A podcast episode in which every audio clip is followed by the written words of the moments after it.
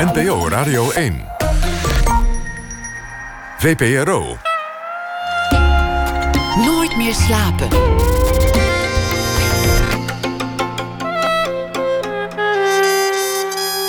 Met Pieter van der Wielen.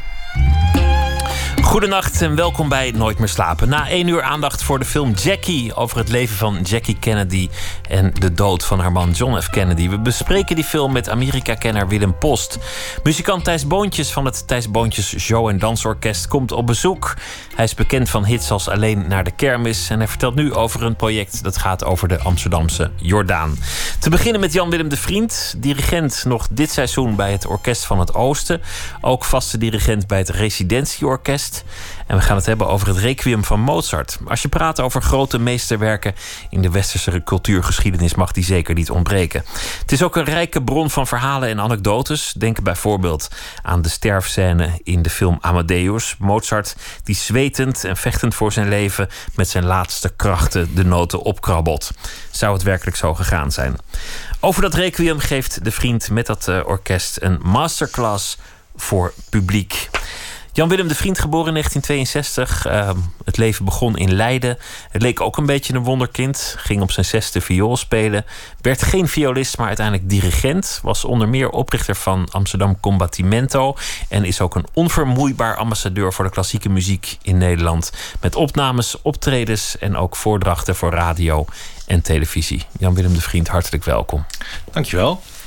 Ja, een, uh, Mozart, een, een echt, echt wonderkind zou je zelf als kind een wonderkind hebben genoemd? Ging, ging het... Het, het grappige is van... Uh, uh, ik vind het wel geweldige ingang wat je geeft. Want over Mozart, ook al bij het Requiem... daar bestaan zoveel dingen die zo algemeen zijn gaan gelden... dat zo wel zo geweest zou zijn, wat helemaal niet klopt. Bijvoorbeeld Wonderkind.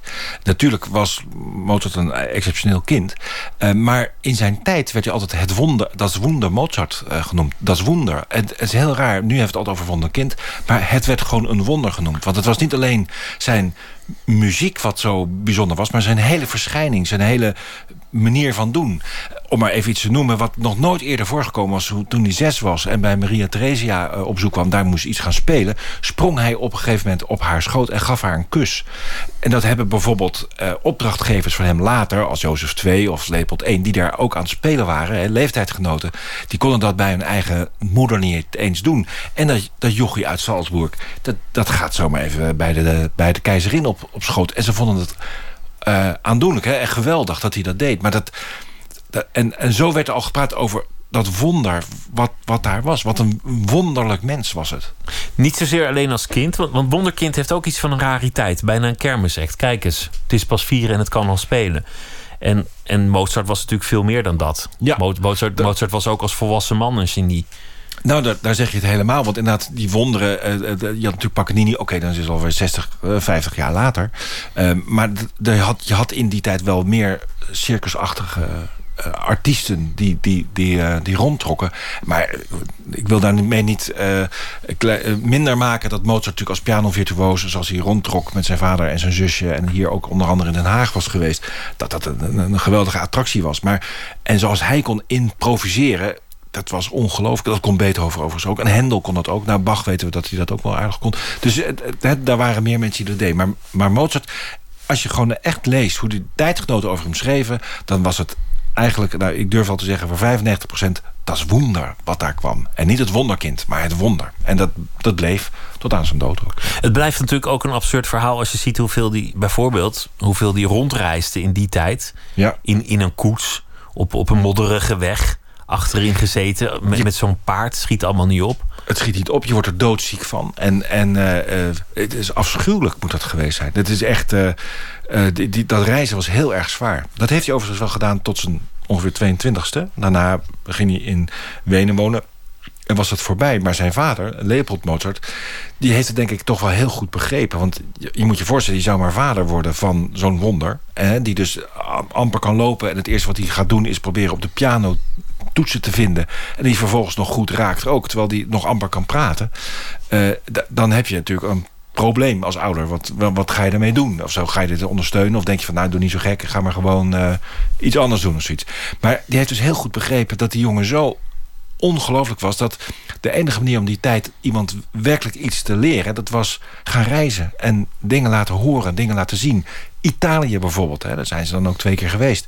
Want ja, Italië, daar, komt natuurlijk, daar, moest je leren opera schrijven. Dat heeft hij ook gedaan. Maar ze gingen ook, toen ze naar Italië gingen... naar eh, Rome, toen naar Napels, naar Pompeii bijvoorbeeld. En Pompeii, dat begon nog maar net. Dat was toen echt net enkele jaren... Uh, begon dat een toeristische uh, attractie te worden. En alleen al die omreis om dat te doen... daar was Leopold Mozart dus wist wel echt heel erg goed wat er te koop was... en wat belangrijk was voor zijn zoon om te laten zien. En zo'n Pompeii heeft op Mozart ongelooflijke indruk gemaakt. Die vader krijgt ook vaak een slechte pers, omdat dat hij te zakelijk was, misschien te hard voor zijn zoon, dat hij sarcastische brieven schreef, dat hij uh, Mozarts vriendinnetjes in de weg stond, dat hij niet wilde dat zijn zoon verliefd werd. Ja, ja, dat, dat, dat, is, dat is waar. Ik, ik denk dat dat ik, kan me, ik zou me kunnen voorstellen, als je zo intens met je vader optrekt... dat het natuurlijk op een gegeven moment wel heel belangrijk is... om je ook los te maken van je, van je ouders. En van een je psychologische vadermoord te plegen. Ja, ja Idimeneo, zijn opera schijnt daar ook over te gaan. Um, dat, dat, ik denk dat dat er ook wel bij hoort. En, uh, of ja, veel mensen zouden het kunnen herkennen. In ieder geval heel belangrijk is geweest voor de ontwikkeling van Mozart. Want die, hij werd gewoon letterlijk, geloof ik, uh, volkomen onafhankelijk van iedereen. Daar was niemand die hem afhankelijk maakte. Niet een, een broodheer aan het hof, wat eigenlijk gebruikelijk was nog in die tijd.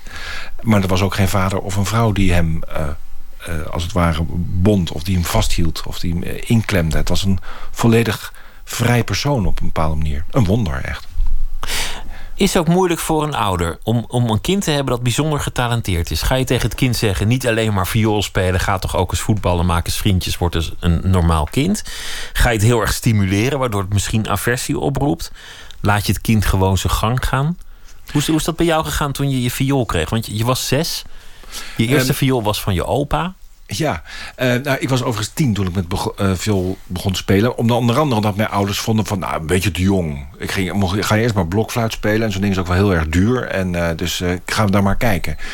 dus die vonden dat, ja, een beetje, ja, wacht maar even af. Dus ik was, ik was tien toen ik begon. En meteen heel fanatiek. En ik was er helemaal weg van. Ik dacht van, nou, dat is maar één ding wat ik eigenlijk wil in mijn leven. Dat is viool spelen. Wist je toen al? De muziek, ja, dat zou je muziek, leven worden? Dat, ja, het was ook niet zozeer een keuze hoor. Dat was gewoon echt zoiets van, nou, dit, dat, dit is het gewoon. En, um, en ik heb altijd heel erg interessant gevonden, of leuk gevonden... interessant klinkt uh, wat, wat muziek dan eigenlijk doet. Wat het met mij doet, maar ook wat het kan doen uh, met anderen. Of wat wellicht de bedoeling zou geweest kunnen zijn van een componist om met muziek te doen. En dat vind ik dan ook wel nog steeds buitengewoon interessant. En ook met zo'n rekening van Mozart wat we nu gaan doen. Of uh, überhaupt Mozart. Ik, ik, deed vorige week uh, de drie Mozart-symfonieën bij een ander orkest in Barcelona. En, en die laatste drie symfonieën die, die horen bij elkaar. Is eigenlijk één symfonie, gewoon een hele lange symfonie. En wat Mozart dan met die symfonieën zou willen zeggen... of uh, ja, wat ik denk dat hij heeft willen doen... dat vind ik ongelooflijk om dat te ontrafelen... en met muzici over te hebben of, of te delen met andere mensen. Als je, als je nou ja, oké. Ik, ik zal je niet, niet het label wonderkind steeds op je plakken. Maar zelfs al ben je een wonderkind, dan, dan laat het natuurlijk nog niet weg dat je heel hard moet oefenen. Want het is natuurlijk niet zo dat iemand, iemand geboren wordt en meteen een strijkstok pakt en het gewoon kan. Ik denk voor, nee, maar ik denk voor een 18e eeuw was het echt zo, um, 17e eeuw ook, um, dat heel erg bepaalt dat God heeft je bepaalde talenten gegeven. En het is je plicht en je taak ten opzichte van God... om die talenten zo goed mogelijk te ontwikkelen. En uh, dus als je een kind krijgt die um, heel getalenteerd is... dan zul je als ouder al vrij snel gaan denken van... oké, dit is het talent van mijn kind. Ik ben aan God verplicht om dat talent zoveel mogelijk te ondersteunen. En dan is het maar de vraag of je het goed doet. En ik geloof dat Leopold Mozart dat wel heel erg goed gedaan heeft met Mozart. Want wat hij natuurlijk aan bagage meekreeg. En wat hij, zoals hij ook libretti van de opera kon kiezen en, en dat kon lezen. Hij las ook graag Mozart. Dat moet je toch allemaal ook aangereikt krijgen. En uh, dat heeft Leopold Mozart denk ik toch wel heel erg goed gedaan. Jijzelf had, had je eerste viool en, en, en je ging plaatjes draaien. Je had een soort museum in je, in je jongenskamer ja, ja. van de klassieke muziek. Ja. Wat, wat vonden je ouders? Uh, die, die, vonden dat... Uh, leuk, dat geloof ik wel. Ook wel een beetje raar natuurlijk. Want ze, ze hadden het niet altijd helemaal zo in de gaten... wat dat dan nou zo uh, boeiend aan is. Maar dan op een gegeven moment kon ik het hun natuurlijk ook laten zien. En het museumpje, dat had een soort dubbel ding. Van, uh, ik, herinner mij dat ik van Einde Kleine Nachtmuziek... en van een stukje Wattenmuziek van Hendel... verschillende uitgaves had. En, en er stonden verschillende streken en er stonden verschillende ook tempi en zo bij. En dat speelde ik dan mijn viool voor, wat dat dan was. En dat Hendel was een, een boeré. En dan leg je, ja, maar een boeré, moet je kijken, hier staat hier over een boeré. En uh, nou, als dan deze uitgave, dan klopt dat eigenlijk niet. En wat grappig, want Hendel zou dit eigenlijk gewild hebben. Of bij Eindelijk aan de Nachtmuziek, eh, ja, er waren dan andere streken. Dat klinkt anders op een viool. Vond ik dan wel toch wel weer fascinerend. En dat was één aspect ervan. Het andere was ook wat ik uh, altijd uh, timmeren, knutselen heel erg leuk gevonden heb. Dus ik bouwde van die hele mooie stellages met lampjes... dat je goed op die muziek kon kijken. En toen ik mijn eerste stukje handschrift kreeg... van een, van een componist was van Beethoven... dan had ik een heel mooi lampje boven gemaakt... dat het handschrift heel mooi kon zien. Dus dat, dat gefriemel met zo'n zo'n draadje en een stroomdraadje... en een lampje maken, vond ik ook heel erg leuk. En je ouders die hebben nooit gezegd: uh, jongen, ga even buiten spelen. of uh, twee uur per dag niet meer. of, of dat soort dingen. Nee, nee, ik mocht wat dat betreft uh, voorkomen mijn gang gaan. Ja. Ik, ik, was ook echt, ik had ook vriendjes die dan ook muziek maakten. En dan had ik één vriendje die had ik dan op donderdagavond speelde ik dan mee. De ander was op vrijdag en de ander op zaterdag. Ik, ik moest er wel drie verschillende hebben, want zij hield het niet zo lang vol als ik. Maar ik, ik had wel één vriendje ook, dat was al heel erg leuk. Die speelde cello en dat was echt. Nou, zeiden we bijvoorbeeld aanstaande zaterdag de negende Beethovendag. En dan ging ik daar naartoe en dan begonnen we s morgens te spelen. En dat was het eerste, eerste violoncello, dan was het tweede violoncello. En dan, dan gingen we proberen samen uit de partituur wat te raken. Uh, het lukte niet altijd, maar dan, we hadden samen wel die fantasie dat we die negende Beethoven deden. Ja, dat vonden we wel heel erg leuk, ja. Je broers, je, je had twee broers die ook piano speelden. Een van jouw broers was mijn vroegere muziekleraar op de middelbare school. Daar heb ik heel dierbare herinneringen aan. Leuk. Aan, aan, aan Huub de Vriend. Maar op een zeker ogenblik kwam ook bij jou de passie voor het uh, dirigeren. En dat, dat is toch iets anders dan een instrument spelen of, of echt interesse krijgen in iemand die met de stok zwaait. Want, ja. want die hoor je niet direct. Nee, dat klopt. En uh, ik was he heel raar. Ik was elf. Ik woonde toen nog in, in Leiden. Ik zat al in een orkestje. En daar zei de juffrouw die ervoor stond op een gegeven moment... Uh, kom jij eens... Ik zat er achteraan bij de, bij de violen. Eerst, tweede, weet ik niet meer. En uh, kom jij eens naar voren en ga jij dat maar eens dirigeren? Nou, ik had zoiets van, wat is dit nou voor gekheid? Ik had er nooit bij nagedacht. Maar ik, dat geeft natuurlijk als elfjarige toch een bepaald gevoel. En toen ik een jaar 17, 18 was... was op het consortium waren we met een orkestje bezig... En uh, daar waren we aan het repeteren. Toen zat ik wel echt bij de tweede viool. En toen, toen ja, ik, ik, had een stuk voorbereid en dat vond ik gewoon leuk. Een Haydn-symfonietje. En toen zei ik van, nee, nee, nee. Volgens mij moeten we zo doen, want dat is daar zo kort. En die streek daar. En, ik van, en toen zei ze op een gegeven moment, ja, joh, kan het niet even dirigeren? Echt zo, van, kan het niet, was veel handiger. Ja, is goed, is goed. En dan even doen. En dan, nou, toen was het op een gegeven moment, doe ook het concert maar. En nou, dat betekent ook het, het uh, concert dan... Uh, dirigeer. En later richtte ik het combattimentconsort Amsterdam op, wat je, wat je net zei. Dus een ensemble van een kern van twaalf mensen waren dat. En ik wilde daar heel graag allemaal nieuwe muziek mee uh, zoeken uit bibliotheken en musea. En op een gegeven moment hadden we ook stukken die voor grotere bezetting waren. Ja, dan moest het toch even gedirigeerd worden. Ah, dat doe ik wel even. En nou, op een gegeven moment was het wel zo dat het een, een, dat ontwikkelt zich. En dan kijk je in je agenda en dan zie je ineens staan. Daar schrok ik zelf heel van. Nou, weet ik wat, concertgebouw, orkest, toonhallen, Zurich, Berlijn, concerthouse. En toen dacht ik van, wacht even, dit is even, dit is niet meer iets wat je erbij doet en dan viool blijft studeren. Dat vond ik wel zo'n ongelooflijke eer en zo'n kans om met dat soort orkesten te mogen werken. Dat ik dacht van, weet je, ik ga me daar nu eens even helemaal op concentreren. Want als je het echt goed wil doen, dan lukt dat niet om dat alle twee te doen. Dus dan, word je ook een beetje gefrustreerd als violist. Want je denkt van, ik moet eigenlijk veel meer studeren. Maar ik word ook gefrustreerd als dirigent. Want ik moet veel meer studeren en veel meer weten. Dus dat, ja, daarom moest ik die keuze op een gegeven moment maken. Toen dacht ik, weet je, ik heb nu zo heerlijk...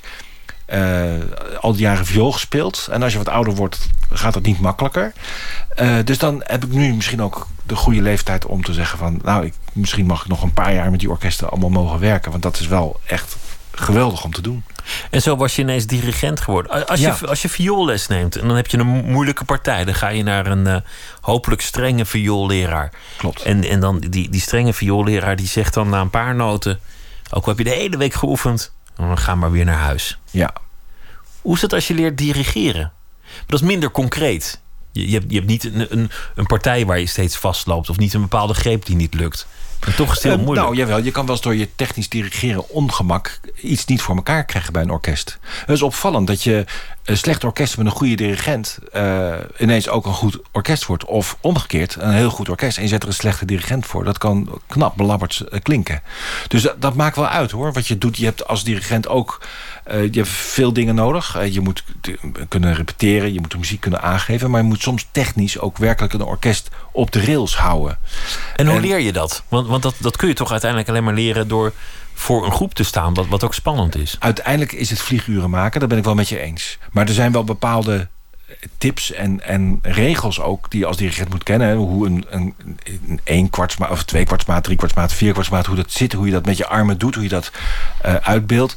Eh, dat zijn bepaalde regels die je moet leren. En, maar je kan natuurlijk niet alleen maar domweg 1, 2, 3, 4 eh, doen met je armen. Da- daar zit, zitten nuances in. En ja, daar kan je bepaalde dingen mee leren. Maar op een gegeven moment is het ook iets van... ja, dat moet je ontwikkelen met je orkest. En ik moet zeggen, met het Orkest van het Oosten... eh, zeker toen ik begon was ik niet erg handig... maar eh, we hebben iets ontwikkeld en ze hebben mij ook daarin zoveel geleerd... dat je dan ja, concerten kan hebben waarbij je elkaar optilt eigenlijk. Waar het orkest echt zo ongelooflijk goed kan klinken. En eh, ja, dat is toch iets wat we samen dan bereikt hebben. Wat we samen gedaan hebben. Je noemde al het handschrift van de componist. Teruggaan naar, naar wat, wat er staat. Terug Ja. naar wat iemand daar ooit heeft neergekrabbeld. Wat bedoelde die nou precies? Ja. Dat is volgens mij ook een aspect van jouw werk en oeuvre dat heel belangrijk is. Ja, ik, ik geloof wel dat muziek eh, meer is. ehm, ik kom even terug op een gesprek wat wij samen hadden voordat wij de microfoons aan hadden. Dat wij over hadden dat er eigenlijk zoveel, zo weinig aandacht is voor muziek in het onderwijs. Gewoon in het algemeen. En misschien ook wel kunst. En ik geloof, ik heb dat een beetje aangevoeld en later heb ik daar woorden voor gekregen. Maar dat, ehm, even heel zwart gezegd, ehm, of, of zwart-wit gezegd. Ik heb wel eens het gevoel dat we nu in een tijd komen waarbij het echt het belangrijkste is wat we onze kinderen willen leren. En wat we elkaar willen leren, is dat je leert om geld te verdienen. En vervolgens ga je op zoek om wanneer de Sarah uitverkoop heeft, desnoods nog in Frankrijk of in Duitsland, reis je dan nog voor om weer zo goedkoop mogelijk te kopen. Nou, dat geeft een bepaald soort economiesysteem, geloof ik. En daar worden we allemaal dan heel gelukkig van. Ik denk dat dat, dat, dat te weinig is, toch eigenlijk. Dat, toch, eh, dat betekent dat je je kinderen opvoedt. eh, dat het alleen maar om gaat om iets te verdienen en weer, weer uit te geven. Maar dat het leven toch wel wat meer te bieden heeft. En eh, veel belangrijker is eigenlijk dat je moet ontdekken hoe je jezelf kan ontwikkelen, hoe, hoe je zelf in elkaar zit, wat, wat, wat je zelf denkt en met anderen kan denken, wat de betekenis hier kan zijn, hè, dat je er nu bent. En ik denk dat daar absoluut kunst, cultuur voor nodig is om die ontdekkingsreis te kunnen, kunnen doen. En ook voor je ontwikkelen in je creativiteit eh, bijvoorbeeld. Eh, Steve Jobs had geloof ik nooit kunnen ontstaan als er ook niet om hem heen heel veel creativiteit was geweest. En eh, dat inspireert en dat maakt je als, als mens en als, als persoon ook veel groter en rijker. En eh, muziek heeft daar volgens mij een hele eh, belangrijke taak in, of kan het in hebben omdat het spreekt eh, in de dansvorm je lichaam aan. Je, je, je, je voelt je lichamelijkheid erbij. Het kan eh, je intellect gewoon aanspreken. Omdat eh, als je iets van de taal van muziek begrijpt... ik, noem maar even iets, getallensymboliek of zo... als je dat leert luisteren... dan kun je natuurlijk met die getallen hele leuke dingen doen. En Je, kan er iets mee opsteken of niet. Of, maar het is al heel boeiend. Maar je kan ook, als in het requiem van Mozart... wat we dan zaterdag doen, een kruis uitbeelden. Tam, pam, piem, piem, pam. Dat je in de muziek zie je het kruis eigenlijk staan. En dan hoor je de hele tijd terugkomen, dat kruis. En dan word je al geprikkeld op een bepaalde manier... op een andere manier te luisteren. En een derde manier wat muziek kan doen... dat is gewoon, eh, kan, gewoon mooi, kan gewoon mooi zijn. Het kan gewoon je oor strelen. Het kan, het kan je daarmee heel rustig maken. Het kan je een tevreden gevoel geven. Eh, eh, gewoon mooi. Iets, iets echt van de pure schoonheid. Nou, die drie elementen... ehm, ik, ik denk dat dat, voor, dat dat zo inspirerend is en dat het zo rijk is voor, voor mensen. Dat het, ja, je, je mist echt wat, heb ik wel eens het gevoel, als, als mensen dat helemaal, helemaal verliezen en daar helemaal niks meer van weten. En dan ook met concerten bijvoorbeeld, wat wij met residentieorkest doen, uh, denken van nou, ik ga maar niet, want het is allemaal zo ingewikkeld. En uh, wow, weet ik ook niet, ik moet een goede jurk hebben of ik moet wel een goede schoen hebben. Ik weet niet wat de mensen bij denken. En daarom doen wij ook dit zaterdag dat je naar requiem kan komen. Van kom, je mag knorrende maag hebben, je mag kuchen. En, we gaan er iets over uitleggen. En niet van het dominant septiemakkoord is daar en dan komt drie keer in de vierkwartsmaat het woordje, weet ik veel. Gewoon, we vertellen even iets wat de laatste noten van Mozart geweest zijn. Hij heeft iets gezegd over een pauk op zijn... Hè, wat jij vertelde over die film Amadeus... dan zit hij nog een paukpartij te doen. Dat weten we van het zusje van Mozart, die had dat uh, verteld. Welke plek zou dat geweest kunnen zijn? Nou, ik heb dan een idee en dat wil ik gewoon even laten horen. vind ik gewoon leuk. Dus dan kan je, als je daar gaat zitten... kan je wachten tot die paukslag komt. Ja, dat moet toch dat laatste geluid zijn van Mozart als ze sterven. nou ja, om mensen daarin mee te nemen. Want het is zoiets fantastisch, uh, die uh, muziek die want, we hebben. Want je komt dan wel in aanraking met, met een van de, de, de allergrootste prestaties van een mens ooit. Als je zo'n soort stuk Heb je gelijk, ja. hoort. Ja. Ik bedoel, dat, dat is ja, je hebt, uh, iemand heeft ooit de Eiffeltoren gebouwd en het was voor die tijd enorm knap. Ja. Maar, dit is minstens zoiets. Ja, ik, ik vond het wel eens. het was geloof ik een collega van mij, Tom Koopman, die dat een keer vergelijkt. Muziek van Bach ook met Leonardo da Vinci en, en, en uh, Raphaël, de, grote schilders uh, uit de Renaissance ook en de grote bouwers. Ik denk dat je het ook zo moet zien. Dat je inderdaad ook Mozart, Bach en die, die muziek die ze geschreven hebben dat, dat is, daar, daar kunnen we eigenlijk niet bij. Zo, zo groot is dat. En dat maakt het natuurlijk ook altijd weer dat je toch weer gaat proberen meer in die muziek te duiken, nog meer over te weten. Om, om, om maar iets van die, die vonk van, van die dat briljant, die genialiteit te kunnen proeven of, of, of te kunnen voelen. Dat is zoiets geweldigs. Laten we luisteren naar een, gedeelte van dat requiem van Mozart en dan mag je daarna iets uh, erover vertellen.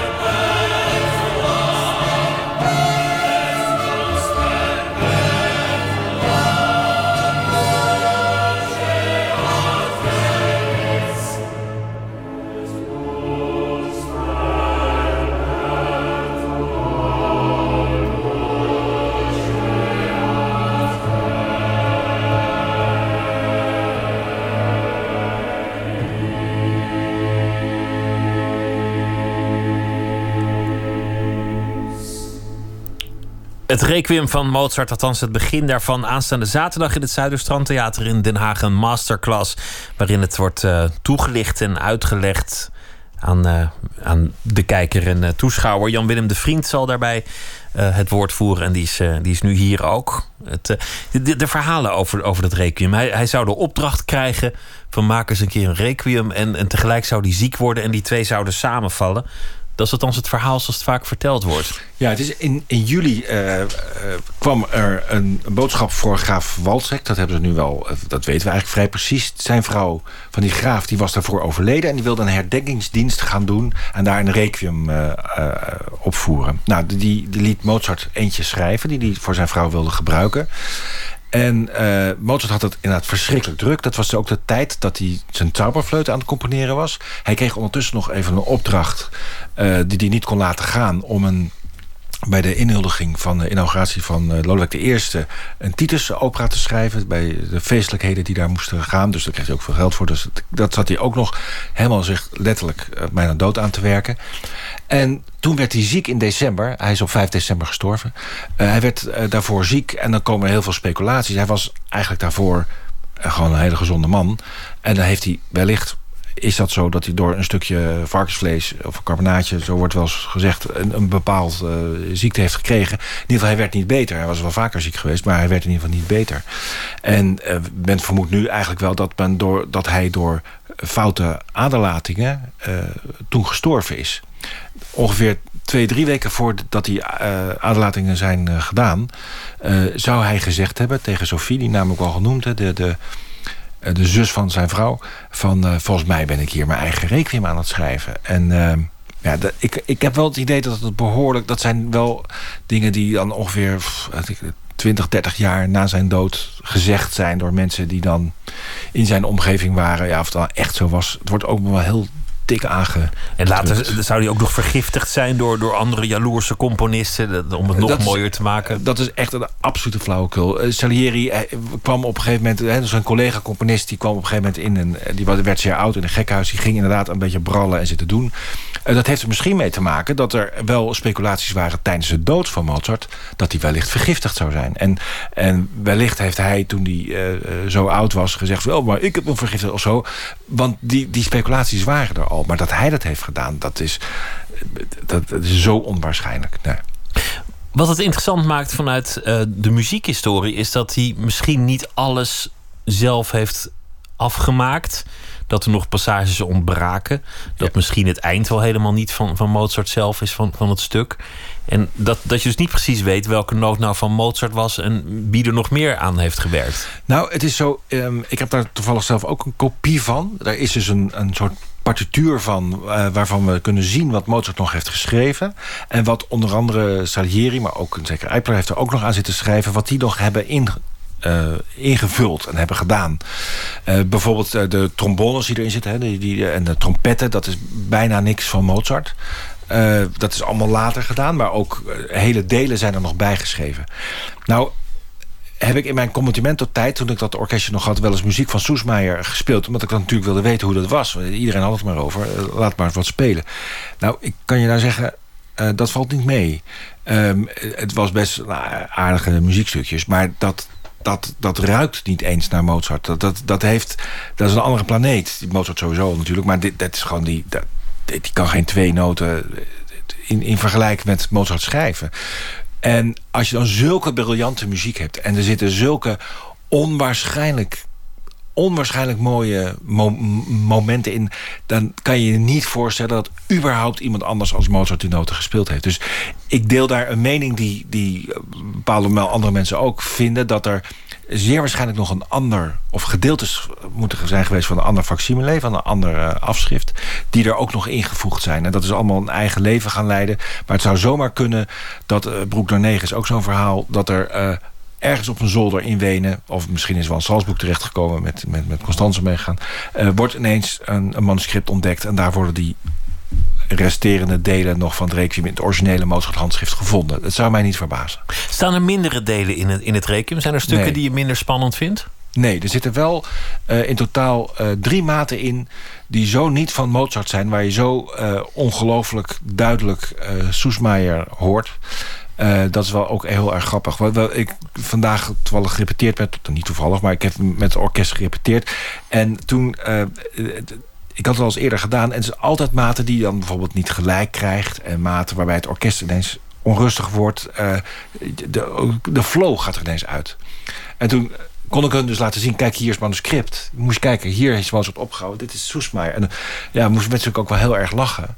Van, oh ja, ja iedereen heeft natuurlijk heel vaak gespeeld. En iedereen maakt mee op die plekken van... oh ja, dat is altijd een rotplek. Maar dat is dus ook niet van, van de meester zelf, die drie maten. Ja. Er wordt ook wel eens geworsteld met het einde. Dus er zijn wel eens mensen die, die het einde minder spannend vinden dan, dan, dan de rest van, van het stuk. Nou ja, het is in ieder geval zo dat het einde is. Uh, uh, Mozart zou gezegd hebben op zijn sterfbed dat hij het einde hetzelfde wil van het Kyrie in het begin als aan, aan het Christen. Uh, aan, aan het einde. Um, ja, ik, ik, ik, het is zo'n ongelofelijke fuga. Ja, ik heb er zelf niet zo'n problemen mee, moet ik eerlijk zeggen. Maar je hebt rekening waar dat iets, iets theatraler misschien gebeurt of zo. Ja, ik vind het interessant, omdat het ook bijna een soort opvatting over het sterven is. Of, of, je, of je eruit gaat met een klap of, of met een zucht. Ja, dat is wel waar, wat je zegt. Ja, dat heb ik nog niet zo gezien. Maar dat, is inderdaad, dat heeft er natuurlijk mee te maken. Ik, ik denk wel dat, dat de dood iets was in die tijd wat veel um, dichterbij stond uh, om, om, omdat je het veel meer om je heen zag. En uh, Mozart is ook jong gestorven, maar dat gebeurde toen toch wel meer, geloof ik, als nu. Uh, vooral veel kindersterfte ook. En dat heeft, natuurlijk, heeft hij ook meegemaakt met zijn vrouw. En we weten wel dat al gebeurde dat misschien vaker als nu. Het verdriet was er niet minder om. En uh, dus de dood was echt iets waar je veel meer mee geconfronteerd werd. En waar je ook in je leven mee moest zien te dealen. Dat, moet natuurlijk iedereen. Dat is natuurlijk altijd wel zo. Maar um, naar mijn idee heb ik dat het nu veel meer wegschuiven en wegmoffelen. Uh, dan dat ze dat in de, uh, in de 18e eeuw deden. Waar het veel concreter en, en, en, en, en dichterbij eh, stond, de hele dood. Dus uh, de betekenis van zo'n requiem is ook veel concreter van... ja, zoals je om je heen ook de dood ziet als, als een meer vanzelfsprekendheid. En dan in, in, in zo'n requiem... Hè, er komen dingen aan bod, laat ik het zo zeggen... van wat vanzelfsprekend is uh, uh, de slangenbeweging, de verleiding. Ja, wat is het eigenlijk? Ja, die verleidingen. Uh, want straks moet ik, kom ik bij de rechter. Hè, zo wordt het dan gezegd in het requiem. Wat gaat die wat gaat die rechter, uh, hoe gaat hij mij uh, veroordelen of beoordelen? Die hoorden we net ook, hè, die slang. In, in, in, het, in dat eerste stuk hoor je. Ja, even... die, dat, die, dat, die, dat, ja, dat, die, ja, die, die, hey, dat die zestiende beweging. En, en als een, alsof je ons de appel wil geven, eigenlijk, maar ga ik eraan toegeven of niet? Um, dat is gewoon een vraag die Mozart in de muziek uh, daar uh, stelt. En dan laat hij horen wat er gebeurt als de rechter misschien gaat zeggen... ja, je hebt niet goed geleefd, uh, want hoor eens, dan klinkt je dus dit, dan krijg je een dies hier. En dat is, dat is, daar hoor je een vuurtje. Nou, dat is, dat is niet even dat een gasbrander kan inpakken. Dat is, dat is zo geweld wat Mozart daar componeert... dat je echt, echt bang wordt. Echt beangstigende klanken. En, en zo confronteert hij je dus, zullen we zeggen, van niet alleen alleen maar... Het lacrimosa is natuurlijk... Het, het, het, snikken, het komt helemaal uit je schouders. Lacrimosa. Maar tegelijkertijd... Eh, voor de luisteraars die het misschien niet helemaal kennen... Je hebt het orkest heeft... Tadam, pidam, pidam, Dat wordt de hele tijd dat snikken maar eh, uitgebeeld wordt. Maar tegelijkertijd is het in het tempo dat het wiegt.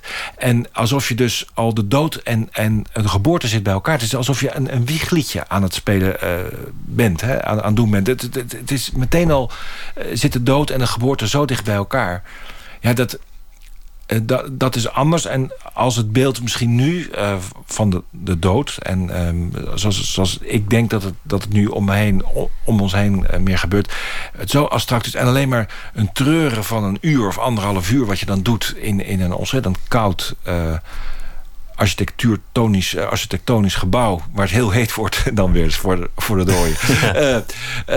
en nou ja, dan die anderhalf uur, dan, ja, dan, nou ja, gaan we naar de orde van de dag, zullen we maar zeggen. Dat, dat, maar dat, dat is wel het ingewikkelde met, met dit soort stukken... dat wij hebben niet de kennis die het toenmalig publiek had. Er zitten natuurlijk allemaal verwijzingen in naar religie, ja. naar, naar uh, misschien andere muziekstukken van die tijd, misschien zelfs populaire melodieën van die tijd die, die de 20e eeuwse of 21e eeuwse luisteraar niet meer heeft.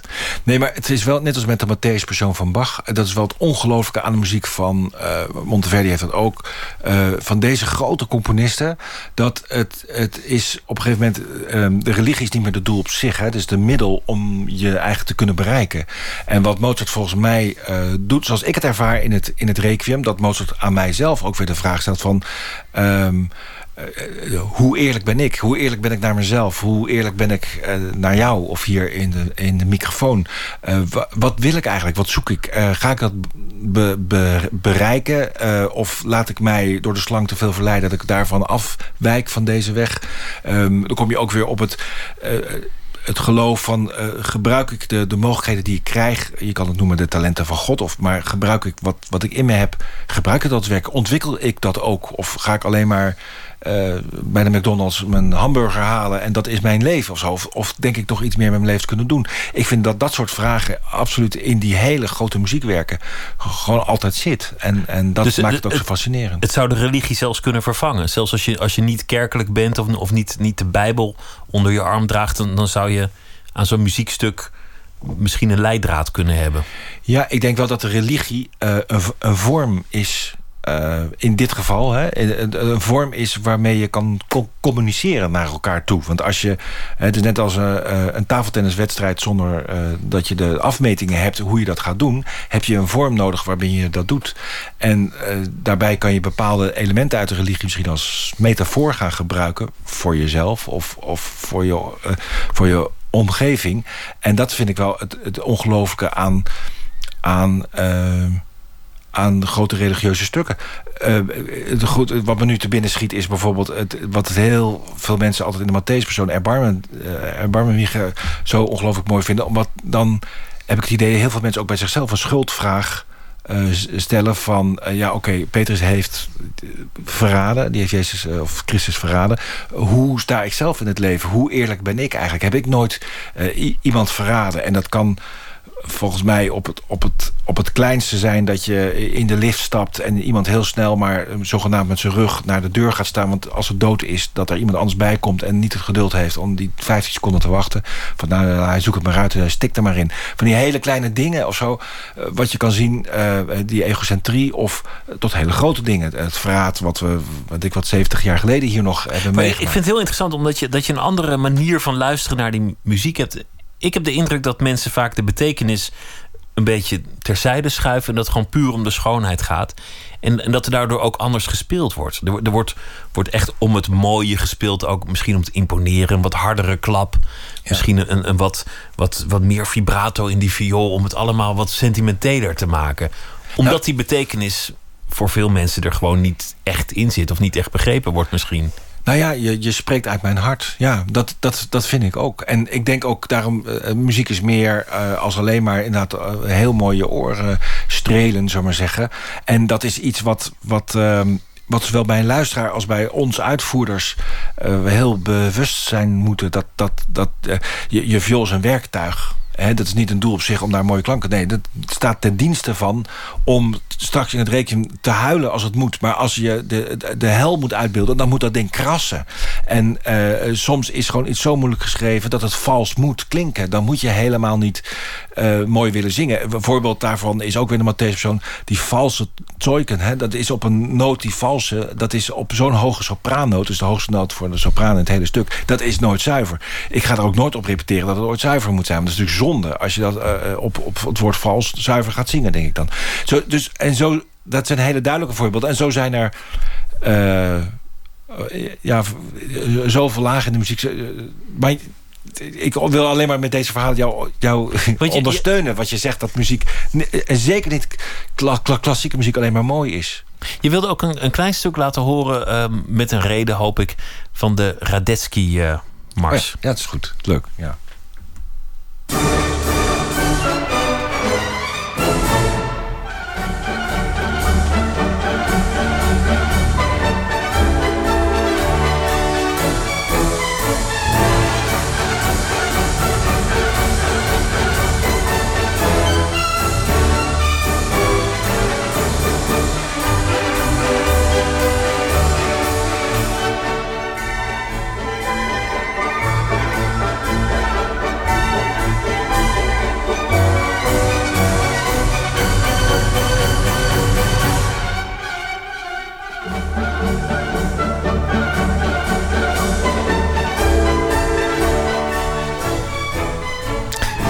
Dit stuk kent iedereen volgens mij, uh, Jan-Willem de Vriend. Ja, goed hè?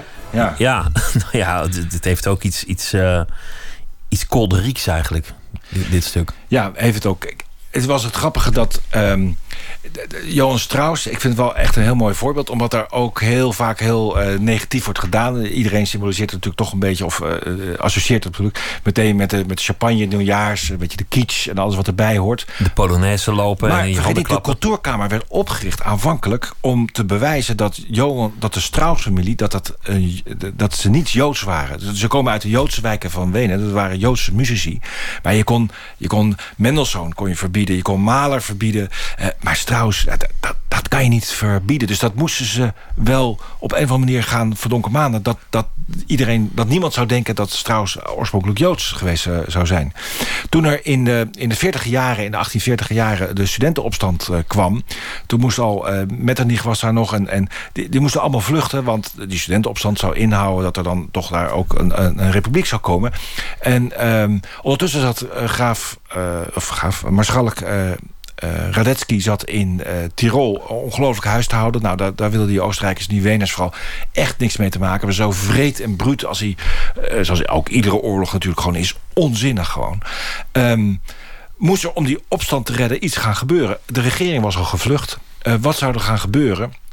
En toen heeft een officier, zeker Tini... die heeft toen uh, Johan Strauss vader gevraagd... zou jij een stuk willen schrijven voor de successen van Marschalk Radetzky? Nou ja, dat was een, een, een ongelooflijk gemene zet. Want Strauss was de man van het volk. En als hij uh, zou een stuk schrijven voor Radetzky... Dan, dan zou hij zijn hele achterban verlogenen eigenlijk. Aan de andere kant was hij ook werd hij uh, gevierd door de adellijken.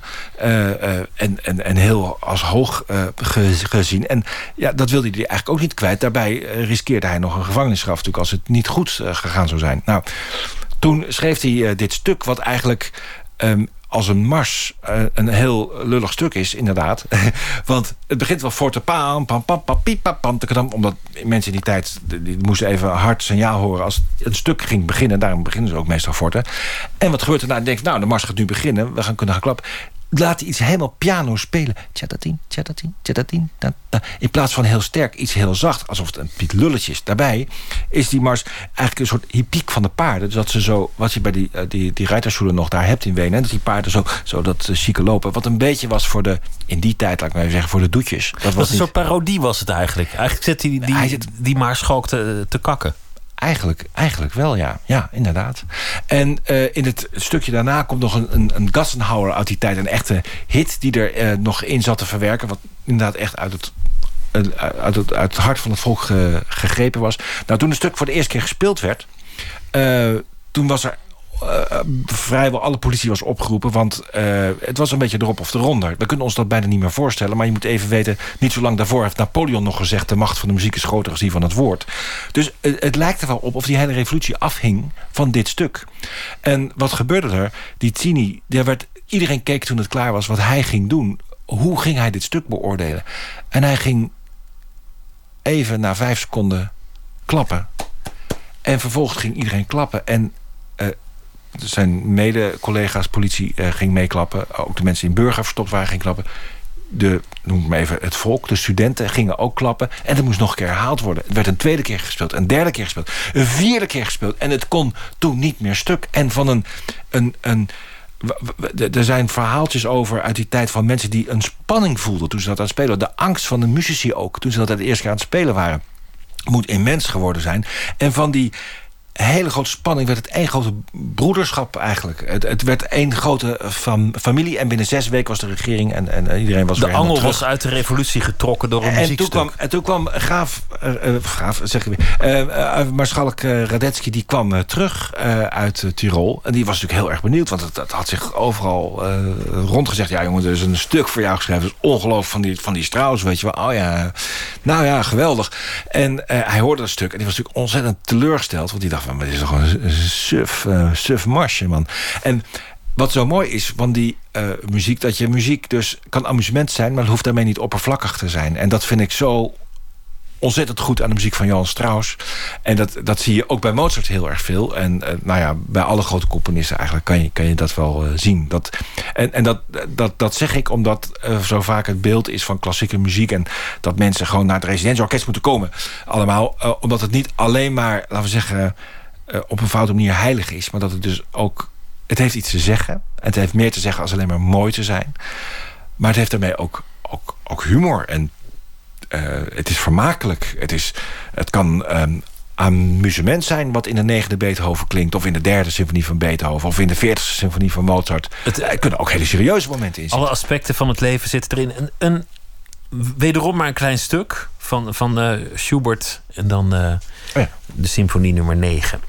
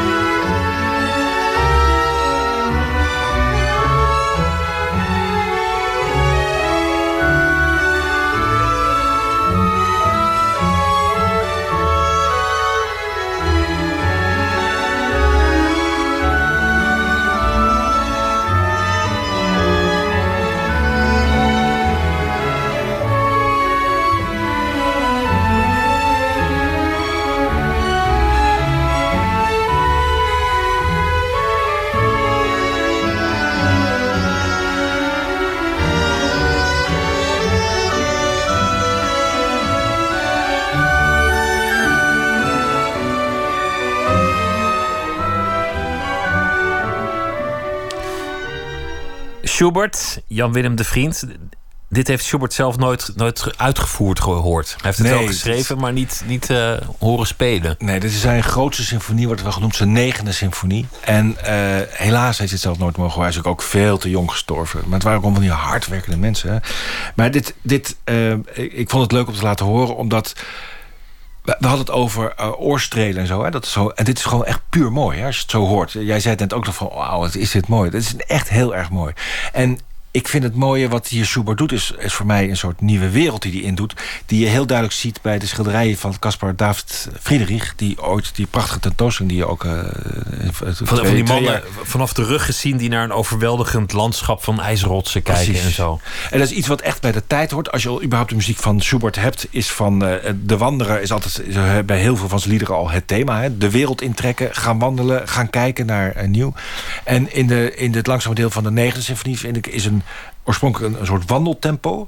En dan is het net of die zo'n schilderij uitbeeldt van dat je die tevredenheid en die, die wereld ontdekken. Je ruikt de lucht bijna in de, in de, in de muziek. En dan uh, dat ontzag voor dat mooie wat er is. En dat doet hij doordat iedere noot op een of andere manier... alsof die allemaal mooi zijn. Alsof ze iedere noot...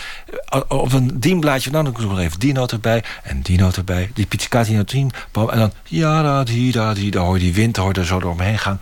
En wat, wat is dit mooi, wat is dit prachtig. Wat, wat geweldig dat ik hier mag zijn. Hè? Dat ook, van dat, dat, uh, dat ontzag daarvoor. En dat, is zo liefdevol gemaakt. Dat is zo respectvol gemaakt, uh, vind ik. Wat hij met die muziek daar kan zeggen. Maar er zit ook altijd een melancholie in van de eenzaamheid. Het is, het is niet een, een ja. wandelclubje.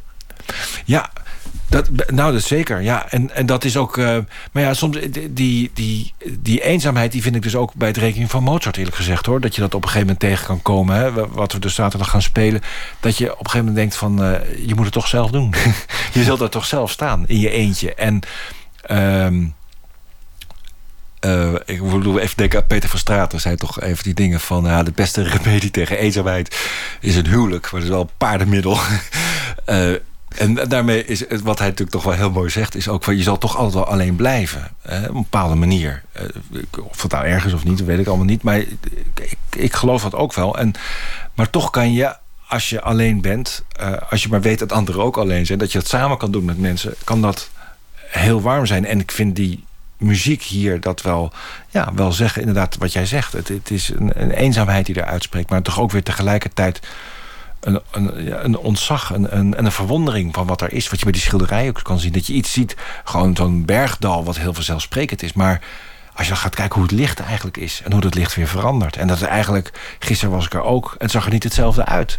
En, en zo weet Schubert dat in deze symfonie zo mooi uit te beelden als een schilderij. Het, gaat maar door dat wandeltempo. En die noten, we hebben ze allemaal wel eens gehoord. Maar in deze samenstelling, op deze manier... alsof ze allemaal op een dienblaadje, op, op een weegschaaltje hebben gelegen... van deze moet nu komen. Luister, nou komt deze en met deze harmonie. Het is ongelooflijk jouw hele leven, vanaf, vanaf nou ja, je tienerjaren tot nu, ging volgens mij volledig over muziek. Je, je, je, vrouw werkt ook in de muziek. Je, je, je, vrienden komen uit de muziek. Je, je dagen gaan vol met muziek. Ook op, op vakantie lees je boeken over die muziek. Ja, het, is, het, is, het is een leven echt met een, met een heel duidelijk thema. Ja, en, en ik, ja, nu zeg je het zo uh, hard. En uh, dat is ook zo. En ik voel me daar ook best wel zo'n beetje schuldig op. Dat ik, dat ik denk van, nou, dat is een lichtelijk autistisch uh, nou ja, waarom trekje. schuldig? Als, als, het is jouw nou ja, leven. Je moet in je leven ook wat anders doen. Maar het is wel zo dat het, het is natuurlijk... Hoe meer je weet, hoe meer je weet wat je niet weet. En, en de muziek is natuurlijk ook wel een enorm... voor mij een enorme mooie ingang... om van heel veel dingen uh, te leren kennen. Uh, om, om, om dat te mogen lezen. Van, van als, ik, uh, als we dit hebben nu net over die Schubert... dan moet je ook de jonge Werther van Goethe lezen. Want dat is het eerste boek waar, waarbij iemand de wereld intrekt... en wat hij daar tegenkomt. Of de Italienische reizen. Wat natuurlijk allemaal diezelfde tijd is. En uh, die dingen wil je dan ook lezen. Omdat je weet dat die muziek ook gaat. En dan denk je van, oh, wat is dat geweldige boeken. Wat, wat, is, wat is dat mooie literatuur. Wat, wat is dat ongelooflijk. En dan, als ik dan zelf ga reizen... of door Italië ga, dan, dan neem ik dat weer, weer met me mee. En dan kan ik weer anders kijken. Dus het, het is voor mij inderdaad... Ja, ik, ik kan inderdaad bijna niks loszien van, die, uh, van de muziek. Ja, dat is wel zo. Je, je zei net al van, van hoe, hoeveel het kan doen voor, voor mensen. Hoeveel muziek kan, kan betekenen. En toen noemde je ook het muziekonderwijs. En, en volgens mij is het ook een van de taken die jij op je hebt, hebt genomen... om, om die muziek uh, ja, aan de man te brengen. Nee, ik vind met televisieprogramma's en, en op andere plekken met lezingen, ook zoals zaterdag, om, om mensen daarvoor te interesseren en om, om dat, dat erfgoed levend te houden. Nou, ik kan soms wel echt heel geïrriteerd raken als ik mensen het hoor uitvoeren en ze, ze slaan naar mijn idee de plank volledig mis. En, uh, ze gaan aan dingen voorbij. En ik van, maar weet dan toch hoe het, uh, hoe het dan wel moet zijn. En dan komt er een bepaald iets boven wat ik, ja, wat ik wel echt een beetje boos over kan worden. Aan de andere kant vind ik het gewoon zo ontzettend zonde. Wat, wat ik een tijdje geleden ook al zei. Van dat je um, mensen die het niet kennen. Je zou zo graag willen van, hè, zoals zo'n Schubert 9. Um, laat zo zeggen, mijn kinderen zijn natuurlijk met de muziek opgegroeid. Ze gaan allemaal een andere kant op. En ik ben er geweldig trots op ze en zo. En het was al een keertje dat, uh, dat een dochter van mij zei van... hey pap, ik zie dat je in het concertgebouw uh, de Vorschak concert dirigeert. Goh, dat vind ik wel zo mooi. Mag ik komen? Ja, natuurlijk, uh, kom maar. nee, ja, neem ik wel even iemand mee. Ja, natuurlijk, ik leg wel kaartjes neer en zo.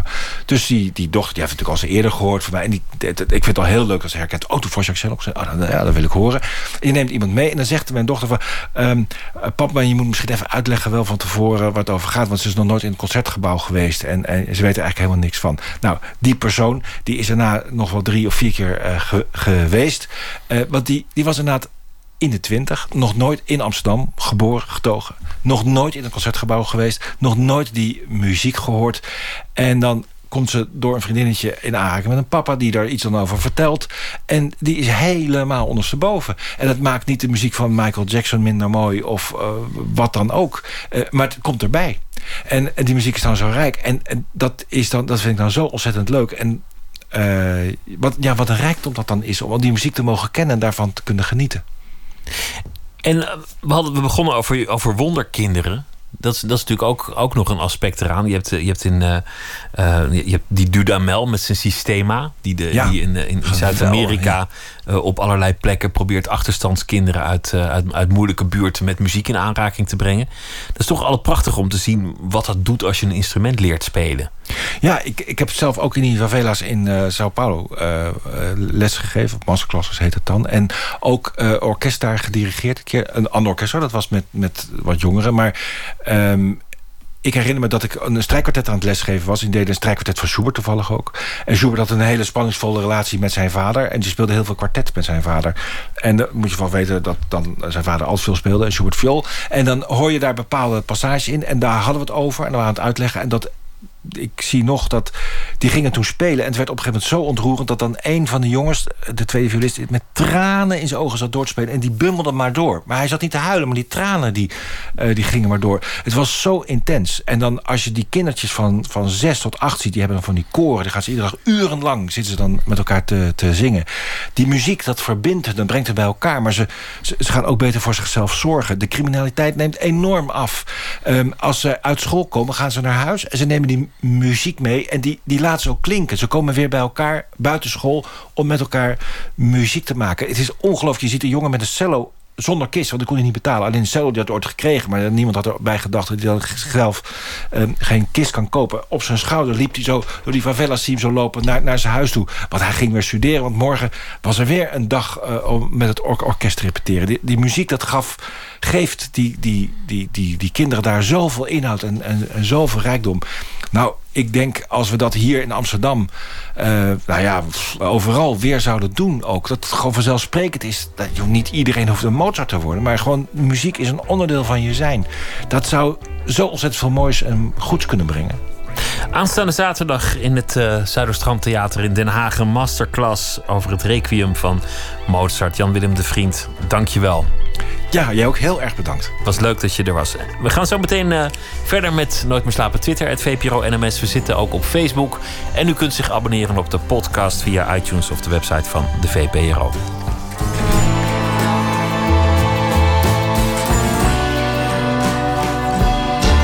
Op Radio 1, het nieuws van alle kanten.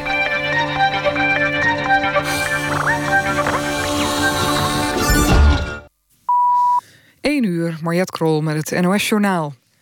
Het Britse lagerhuis heeft premier May definitief toestemming gegeven... om de onderhandelingen te beginnen met de EU over uittreding. 494 lagerhuisleden stemden voor, 122 tegen. Vorige week stemde het lagerhuis ook al voor... maar een debat over de details maakte een nieuwe stemming noodzakelijk. Aan de stemming ging een debat van drie dagen vooraf... Uit onvrede met de brexit nam een van de parlementsleden van Labour... ontslag als schaduwminister van Economische Zaken. Hij weigerde de partijlijn uit te dragen en voor te stemmen. Bij politieinvallen in huizen en bedrijfspanden in Brabant... is 325.000 euro in beslag genomen. De invallen waren op negen plekken... en er zijn ook auto's, scooters, administratie en sieraden meegenomen. Er is niemand aangehouden. De actie werd gehouden in een groot onderzoek van de politie en de Belastingdienst naar fraude en het witwassen van crimineel geld. De EOD heeft in een café in Amsterdam een klein explosief onschadelijk gemaakt. De omgeving in de buurt van het Leidseplein was enige tijd afgezet. Het NFI gaat het explosief onderzoeken op sporen. Mogelijk gaat het om een handgranaat die iemand naar binnen had gegooid. Het Rode Kruis schort zijn hulpactiviteiten in Afghanistan voorlopig op na de aanslag in het noorden van het land. Zeker zes Afghaanse medewerkers van het Rode Kruis werden doodgeschoten. De hulporganisatie wil eerst achterhalen wat er precies is gebeurd...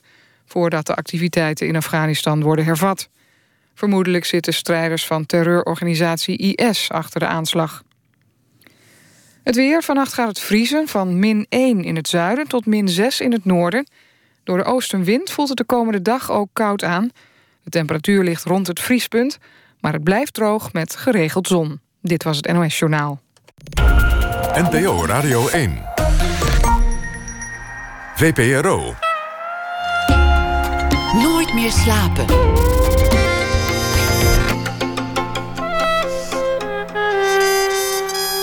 Met Pieter van der Wielen. Zometeen aandacht voor de film Jackie. Die vertelt het verhaal van de moord op John F. Kennedy. En het verhaal van de First Lady, Jackie Kennedy. Zometeen bespreken we die film onder meer met Amerika-deskundige Willem Post. Thijs Boontjes komt op bezoek. Hij is muzikant van het Thijs Boontjes Show en Dansorkest. En hij is komende zondag een van de artiesten die zal optreden tijdens het festival Paros van de Jordaan. En het gaat natuurlijk over het levenslied. Ernst van der Kwast zal een verhaal maken bij de voorbije dag en draagt zometeen voor. Maar we beginnen met het culturele nieuws. Yoko Ono, kunstenares en activiste, zal meewerken aan een film over haar relatie met John Lennon. Ono kreeg in de jaren 60 een relatie met de Beatle en wordt door sommigen schuldig eh, geacht aan het uit elkaar gaan van de Beatles. Of dat terecht is of niet, dat uh, blijft een beetje in het midden. Maar Ono wordt een van de producers van de film, waarin thema's een rol zullen spelen als moed, activisme en liefde. Slechts één Nederlander is dit jaar geselecteerd voor de hoofdtentoonstelling van de Biennale van Venetië.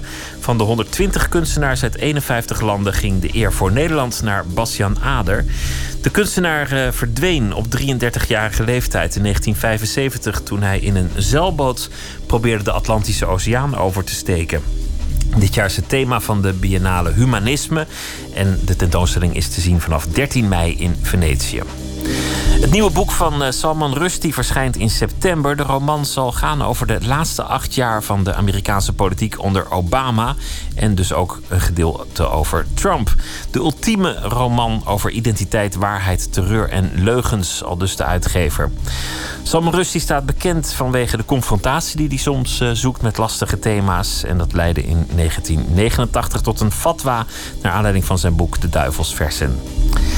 In december al won Anton Duitsenberg de Impact Award 2016 vanwege zijn Quiet 500, een tegenhanger van de Quote 500, een armoede glossy. En vandaag maakte de schrijver bekend dat hij de 30.000 euro die hij vanwege die prijs heeft gekregen zal doorgeven aan vijf andere kunstenaars kunstprojecten waar hij verwantschap mee voelt. En dat zijn kunstenaar Harma Heikens, de band Betonfractie, voormalig hoogleraar Diederik Stapel, Roda JC middenvelder Nathan Rutjes en kunstenaar Tinkerbell. Die krijgen elk 5000 euro.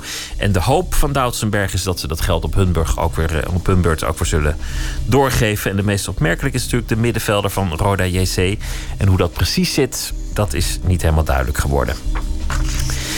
Dat uh, gebeurde er allemaal vandaag, min of meer.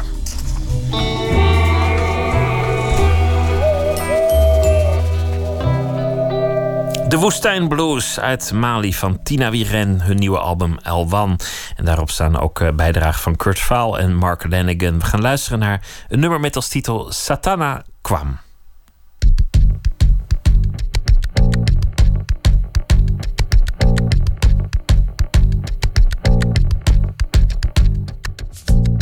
نيري ساستنقم لكتفو تمي ديوان لتسنيت لدى الشكوى إنايا ورني سنجي في السنة تبارد سكوز تران دغشي النوان تيني ريساس تنقم تكتي فوت ميديوان لتاسني دلاد الشكوى إنايا ورني سنجي في السنة تبارد سكوز تران دغش النوان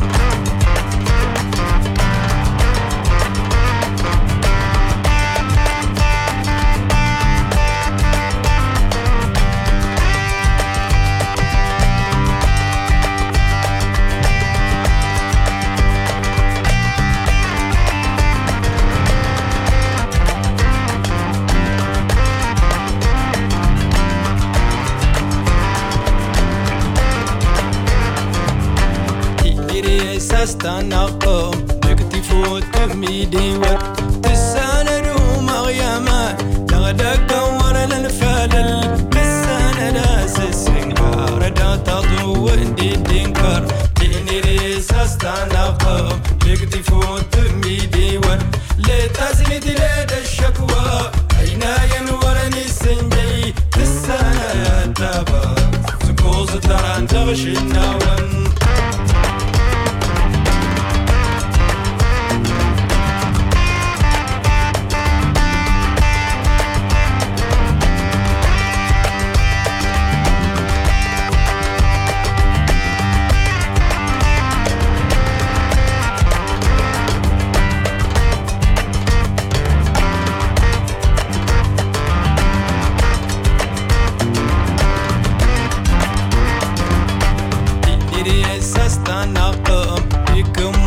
መድነርቲ ዕቅድኩም ወርንን መክሰል ክጆታን የመትክልብ ሲኪለ እንጀርከልል تنيري ناعي هادكم تنيري ساستناقم. تكتفو تمي ديوان لا تزيد لا الشكوى.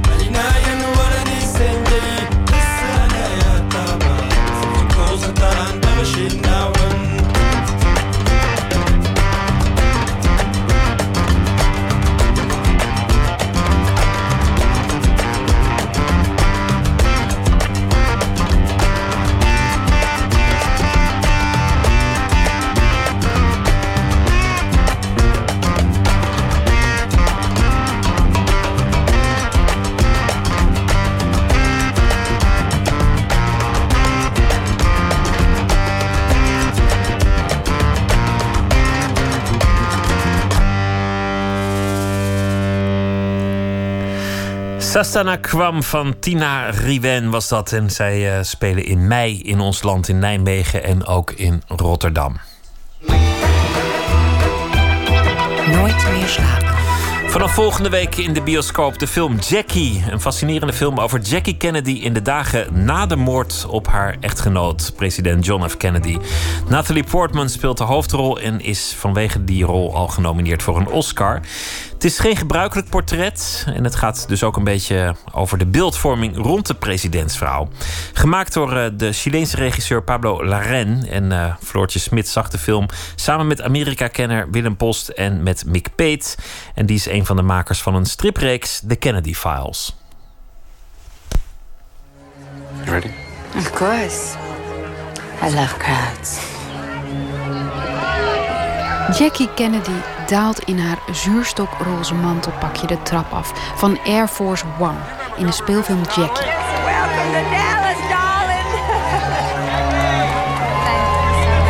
Het is vlak voordat ze met haar echtgenoot John F. Kennedy in een open limousine zal stappen voor een rijtour door Dallas.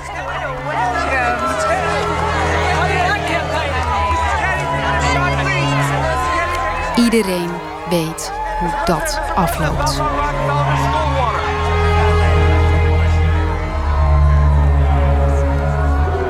Valt er eigenlijk nog een film te maken over de Kennedys die zelfs de kenners verrast? De Chileense regisseur Pablo Larraín die slaagde erin. Tenminste, dat zegt Amerika-kenner Willem Post, die zelf een boek schreef over de Kennedys met de titel John F. Kennedy, de mythe, de ontluistering. Ja, het is, een, het is een hele bijzondere film eigenlijk over de beruchte vier dagen. dus even korte aanloop naar Dallas, de moord. Maar dan ook de dagen, de uren eh, daarna. Jackie is een raamvertelling. Vlak na de dood van haar man gaf Jackie Kennedy een interview aan een journalist van Life Magazine.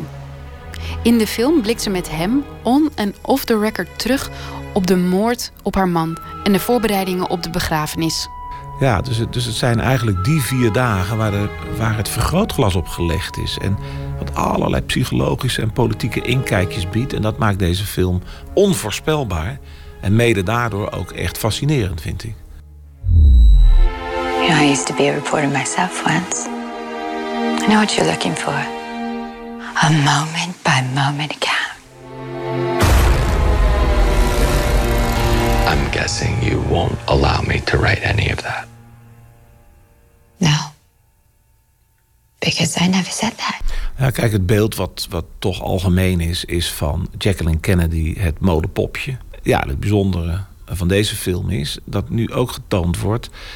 Ja, toch iets meer van de ware Jackie Kennedy. En dat is wel echt een eye-opener, denk ik, voor een miljoenen publiek over de hele wereld. In Jackie is Jacqueline Kennedy een sterke vrouw die altijd touwtjes in handen heeft. Ze is zich extreem bewust van beeld en beeldvorming en ze weet precies hoe ze dat kan manipuleren. You'll have to share something personal eventually. People won't stop asking until you do. And if I don't, they'll interpret my silence however they want. Her brow furrows, her lips are drawn. She holds back her tears, but she can't hide her anger. In de vier dagen tussen de moord en de begrafenis doet ze er alles aan om haar echtgenoot als een groot president de geschiedenis in te laten gaan. Are you afraid I'm about to cry again? No, I, I say you're more likely to scream. Scream what? My husband was a great man. Mick Pate is de schrijver van de graphic novel-serie The Kennedy Files. En volgens hem wisten de Kennedys heel goed om te gaan met dat nieuwe medium televisie. Roosevelt was echt een radioman. En eh, daarvoor waren het eh, de kranten en de, en de opkomst van de magazines. Maar mm, de televisie en de, de live en time magazines en de fotografie daarvan... die het steeds meer gingen eh, winnen van de geschreven tekst... zij hebben daar een enorm bewustzijn van gehad... En hebben daar ook trainingen voor gevolgd, hoe ze daarmee om moesten gaan met de camera. En wat heel erg leuk is van, dit, uh, van, van, van dit, deze film, is dat hij ook gesneden wordt uh, met uh, footage, met echte footage uit die tijd. Nou, je moet ook niet vergeten, zij was een fotojournaliste ook. Hè? Dus het was iemand die ook heel erg in beelden dacht. Dat, zo suggereert de film, is ook de reden dat ze zich niet meteen omkleden na de aanslag. Zij zat daar achter in die, in die, in die auto. En ja, het eerste wat je toch denkt zal je gebeuren. Ik bedoel, de hersens van haar man werden uit elkaar geschoten. Ze zat letterlijk met dat blauwe hersenvocht op dat roze pakje en al die bloedvlekken. Nou, je eerste reactie is natuurlijk dat je dan na, ja, nadat je even bent bijgekomen, andere kleding aantrekt. Maar wat gebeurt hier? Zij beschouwt het meer als een soort van erezaak. Dit is wat ze ons land hebben aangedaan. En in het vliegtuig terug naar Washington, als Johnson ook geïnaugureerd wordt, hè, tot de nieuwe Amerikaanse president. Bij de kist van Kennedy in het vliegtuig. En dan hoor je mevrouw Johnson zeggen: ik zou, ik zou je, ik Als ik jou zou, je even, zou je even om moeten kleden. Ik heb misschien nog wel een jurk voor je. En dan zegt zij: No way, of zoiets. Uh, dat doe ik niet. Ik, ik blijf gewoon zo. Zelfs de volgende ochtend heeft ze nog een tijdje dat pakje aangehad. om maar te laten zien van. Dit is er gebeurd. Hè? En dat is natuurlijk indrukwekkend als je dat in die film zo ziet. Hè? En en dat gaat nog verder, omdat dan moet de begrafenis worden geregeld. Nou ja, ook toen al, hè, veiligheid. En uh, nou, de mensen van Johnson laten Jacqueline Kennedy wel even weten van... nou ja, het gaat ook wel per limousine. Hè, en, uh, en dan zegt ze no, hè? Nee hoor. Hey, Mrs. Kennedy. Um, Mr. Valenti, would you mind getting a message to all our funeral guests when they land? Of course. Inform them that I will walk with Jack tomorrow. Alone if necessary. Ik ga dan in zwarte rouwkleding, achter die sluier, dat beeld kennen we allemaal nog. Hè. Uh, wil ik door de straten van Washington lopen. Uh, voorop, met rechte rug, met twee kindertjes bij zich. En uh, nou ja, zei ze dan op een gegeven moment in de film. Als generaal de Gaulle dan in een gepantserde tank wil zijn, prima, ik, uitstekend. And tell General de Gaulle that if he wishes to ride in an armored car or in a tank for that matter. I won't blame him. And I'm sure the tens of millions of people watching won't either.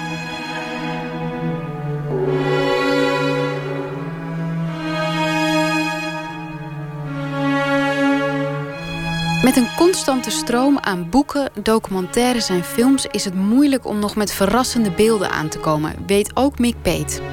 Beelden die je nog niet kent uit de geschiedenis. Wat, wat een heel mooie scène is, en dat is, um, dat is uniek aan deze film, want die heb je gewoon nog niet eerder gezien. Is dat zij op zoek gaat naar de juiste locatie voor het graf van haar man, Jack Kennedy, op Arlington, de militaire begraafplaats.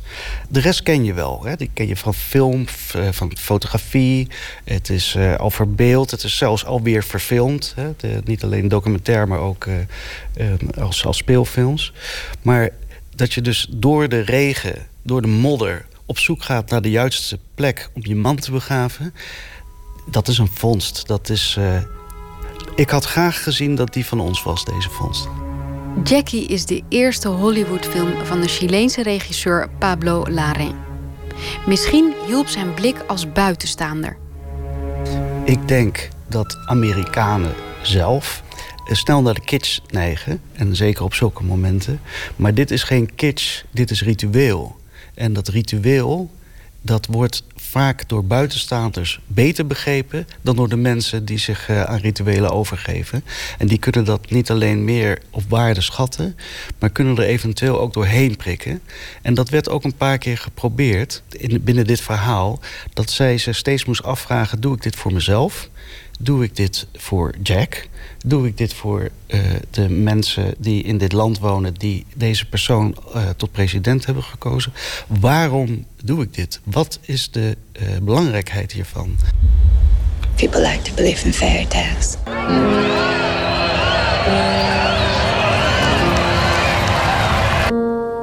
And you? I believe that the characters we read about on the page end up being more real than the men who stand beside us. I lost track somewhere. What was real? What was performance? Absoluut kun je zien dat dit een, uh, een niet-Amerikaan is. Hè? Want kijk, als een Amerikaanse uh, filmregisseur ja, als hij toch, toch Jackie had moeten portretteren, dan heb je toch al gauw de kans dat er veel zoetgevoisde Hollywood-verhalen in zitten. Althans, in de zin van uh, family affairs. En hij maakt Jackie ook niet noodzakelijkerwijs sympathiek. Dat is niet de bedoeling van zijn film. Het is meer het complexe hè, van, van, van wat er gebeurt. Wat hij wil laten zien en een beetje wil doorgronden. Haar karakter wil doorgronden. Nou ja, wat overblijft is natuurlijk het beeld... dat, dat Jackie Kennedy een veel krachtiger vrouw was... dan heel veel mensen dachten invloedrijk en heel erg verantwoordelijk ook voor het mythische beeld. Hè, wat dan na de dood van Kennedy natuurlijk nog veel groter is geworden. Daar heeft Kennedy zelf, de president, natuurlijk een grote rol bij gespeeld, maar zij absoluut ook. En dat werd toch altijd wel weggeschoven. En dat is wel de grote meerwaarde van de film.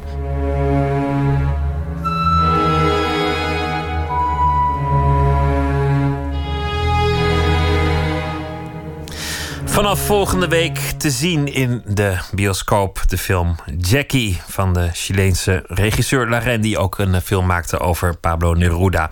En u hoorde daarover uh, Floortje Smit en Willem Post en Mick Peet. Thijs Boontjes, een muzikant die, uh, het, uh, die rock'n'roll combineert met het levenslied... en er ook altijd een uh, knipoog in weet te verwerken. Hij is een van de optredende artiesten tijdens het festival Paros van de Jordaan. En zometeen zit hij hier aan tafel. Maar we gaan luisteren naar een van zijn onvergetelijke hits. Alleen naar de kermis.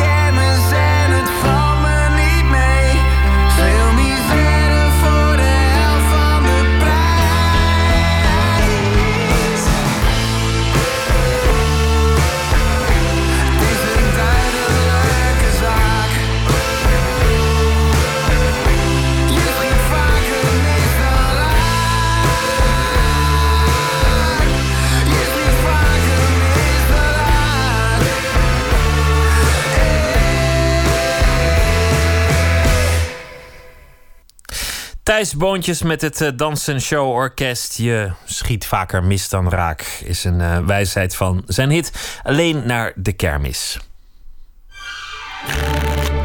Open kaart. Een bak met 150 vragen over werk en leven. En te gast is muzikant Thijs Boontjes, bandleider van het Thijs Boontjes Dans- en Show-orkest. Speelt ook in andere formaties, is onder meer een van de begeleiders van Douwe Bob. Aanstaande zondag zal hij een van de optredende artiesten zijn in Paradiso in Amsterdam. Tijdens het programma Paros van de Jordaan. En hij zal daar een aantal nummers vertolken van Johnny Jordaan. En ook een uh, duet met Roxanne Hazes die de, de rol van Tante Leen op zich zal nemen. Thijs Boontjes, hartelijk welkom. Dankjewel. Je bent opgegroeid in, uh, in Schagen. Ja. Hoe, hoe ben je in de muziek terechtgekomen? Um, mijn vader had ooit een keyboard gekocht met lichtjes onder de toetsen... eigenlijk om zichzelf piano te leren spelen. Maar dat raakte hij niet aan. En toen heb ik dat, uh, dat apparaat gegijzeld eigenlijk. Met lichtjes onder de toetsen? Ja, die kon je dan volgen. Dus dan brandde een lichtje, moest je hem indrukken. Begon het volgende lampje te branden, moest je die indrukken. En zo kon je dan. Ja, zo kwam uh, Stevie, Wonder, uh, I Just Called to Say I Love You kwam eruit. Oh, wat goed. Onder andere, ja. Dus zo heb ik mezelf een beetje leren piano spelen. En wanneer werd het serieus? ik denk op mijn zestiende of zoiets. Zo ongeveer. Dan, kregen, dan hadden we het idee dat we ook eigen nummers moesten schrijven met, met het bandje dat ik in Schagen had. Dus dan, ja, dan ga je echt muziek maken. In plaats van alleen spelen. De naam zegt het al, het Dans en Show Orkest. Het, het album heet Ambiance. Er, er zit altijd een, een, knipoog in. Een, een, een lichte geur van wel, ironie. Ja, ja, in mijn eigen werk zit het altijd wel. Ja, dat is, dat is ook gewoon misschien een soort van ongemak hoor. Omdat als je in het Nederlands zingt... dan kom je met zo weinig weg... dat, dat ik het gevoel krijg van... oké, dan moet ik maar een klein beetje grappig doen... dan uh, pikken ze het wel. Dat is misschien het gevoel daarachter. Maar er zit wel degelijk uh, uh, lading achter en het is wel degelijk een bloedserieus project. Voor mij zeker. Het, het is helemaal menens. Veel liedjes gaan over, over de kermis, een, een, liefhebberij. Ja, ja, daar heb ik wel een grote zwak voor. Überhaupt met alles wat lawaai maakt, vele lichtjes, gewoon indrukken ben ik heel gevoelig voor. Circus, dat soort dingen die ook een beetje uit de gratie zijn misschien, maar jeugd, jeugdherinneringen. Daar heb ik wel een, een grote zwak voor. Maar vooral voor de kermis, ja. Leent zich ook mooi voor teksten natuurlijk. Alleen op de kermis. Ja. Iedereen blij, iedereen joelen. Je ziet het voor je. Je ziet het helemaal voor je. En over de Jordaan. Het, uh, het, het, programma is ge geïnitieerd door uh, Top Notch. Ja. Bekend geworden als hip-hop label. Maar de, de gedachte van, uh, van, van, Kees Koning was dat het een, ook een achterstandswijk was in die tijd. Ja. En dat het ook muzikale erfenissen heeft achtergelaten. En daar wil hij aandacht aan, aan besteden. Wat, wat is jouw band met die muziek?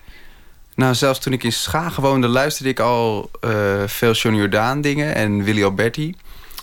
Waarom weet ik eigenlijk niet. En echt cool was het misschien ook niet op die leeftijd. Maar ik vond het hele mooie muziek. Maar ik heb, ik, heb het met bijna alle volksmuziek, uit welk land het ook komt. Zelfs als, als ik een Tiroler volksmuziek ding hoor, kan ik het nog mooi vinden. Omdat het is iets, ik weet niet precies wat het is, maar het is de meest pure vorm van muziek, denk ik, volksmuziek. Of het nou gaat om de tango of de Tiroler muziek of nou, de muziek ja, uit de ja, Jordaan. of de Jordaan, dat is voor mij allemaal één pot nat.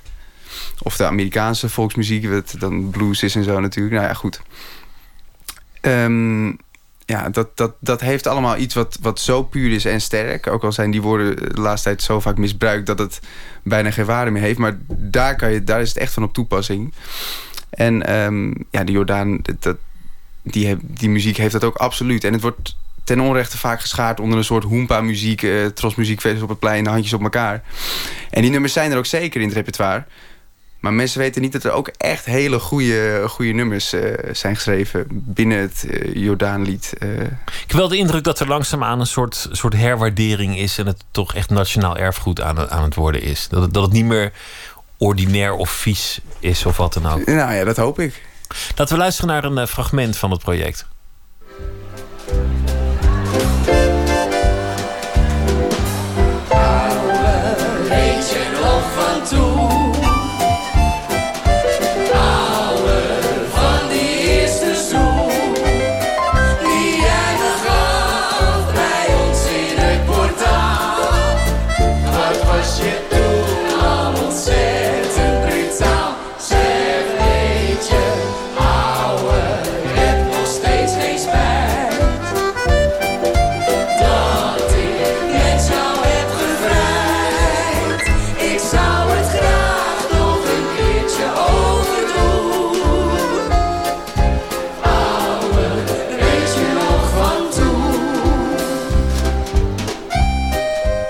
Sta meteen voor mijn gevoel in een café. Dit, dit hoort voor mij toch onlosmakelijk bij, eh, bij een bepaald Ja, soort café. Als we het toch over ambiance hebben, dit, heeft, dit soort muziek heeft het natuurlijk altijd. Je, je, Meteen. hebt, je hebt het gevoel dat je in een bruine kroeg staat.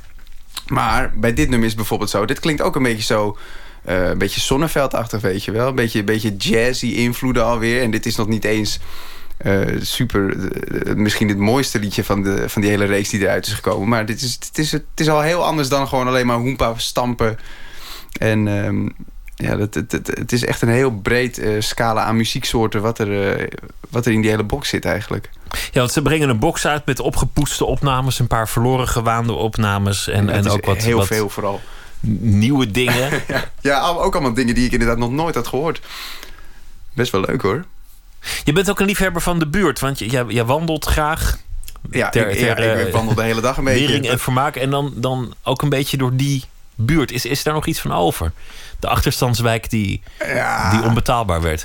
Ja, precies. Nee, je ziet niet meer veel van de, de, de, de charme die juist in die nummers zit. Dat- Ja, dat is natuurlijk wel dat is behoorlijk uit de Jordaan geslagen. Ik vind het nog wel steeds gezellig, maar dat komt gewoon door de opzet van de straatjes, kriskras door elkaar. Er, zijn nog, eh, er lopen nog wel aardige mensen rond, maar er lopen ook heel veel mensen met eh, nou, gewoon de, de, de, de, de- die juppen die daar ook worden vergald door de mensen die eh, nou ja, ondertussen ook al naar Purmerend zijn verhuisd over het algemeen. Dus nee, daar, er is niet zo heel veel meer van, eh, van over eigenlijk, nee.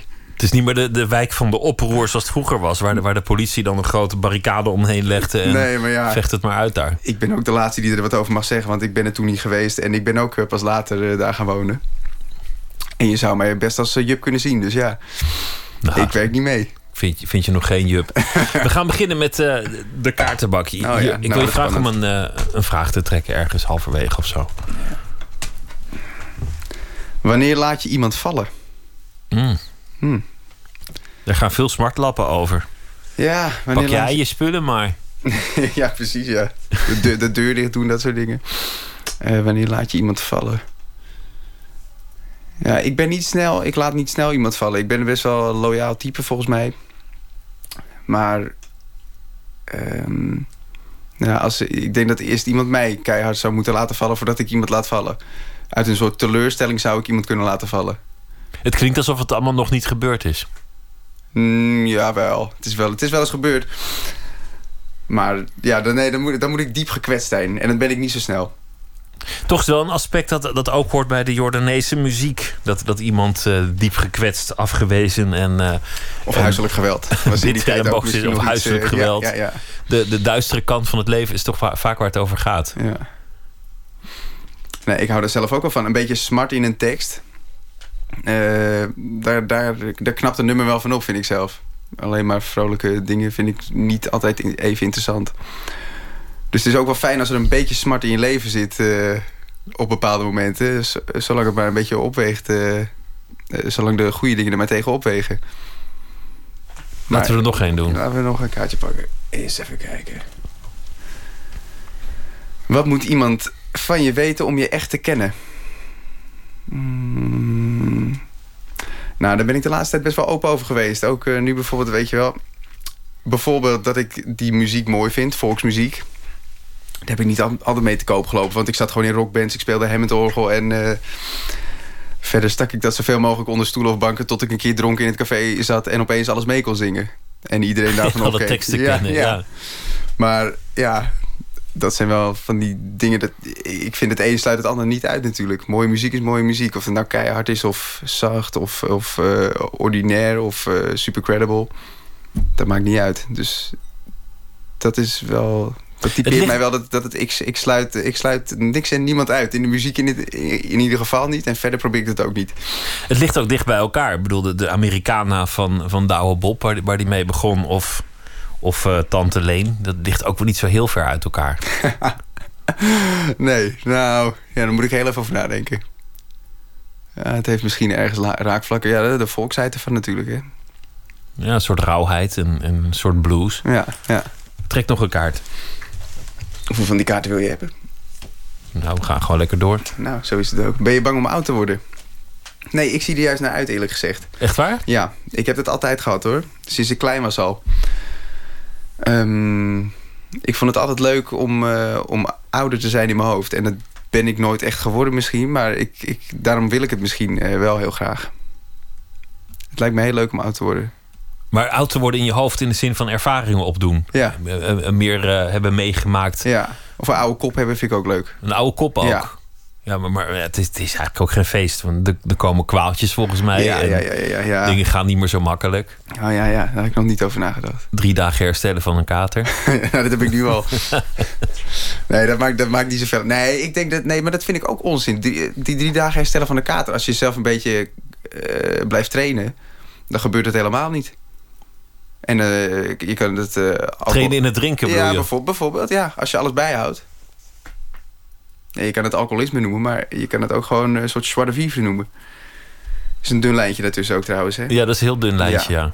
Maar ik snap wel wat je bedoelt. Als je, als je dat hebt laten versloffen, Ja. dan kan je er niet meer tegen. Maar, ik heb natuurlijk het, eh, op dit moment een perfect leven om eh, eh, de zwarte vivre kant ook nog te laten gelden. ja, als, als muzikant. Ja, als muzikant. Heerlijk. Laten we er nog geen doen. Wie moet er van de buis? Ja, ik kijk heel veel tv, dus ik moet hier wel een eh, gedegen mening over hebben. Ik, ik, ik vind tv kijken echt leuk. En dan moet ik me goed afvragen wanneer ik het niet leuk vind. Oh ja, de rijdende rechter. Daar had je, vroeger was dat eh, Frank Visser. Ja. En die is toen naar SBS 6 gegaan.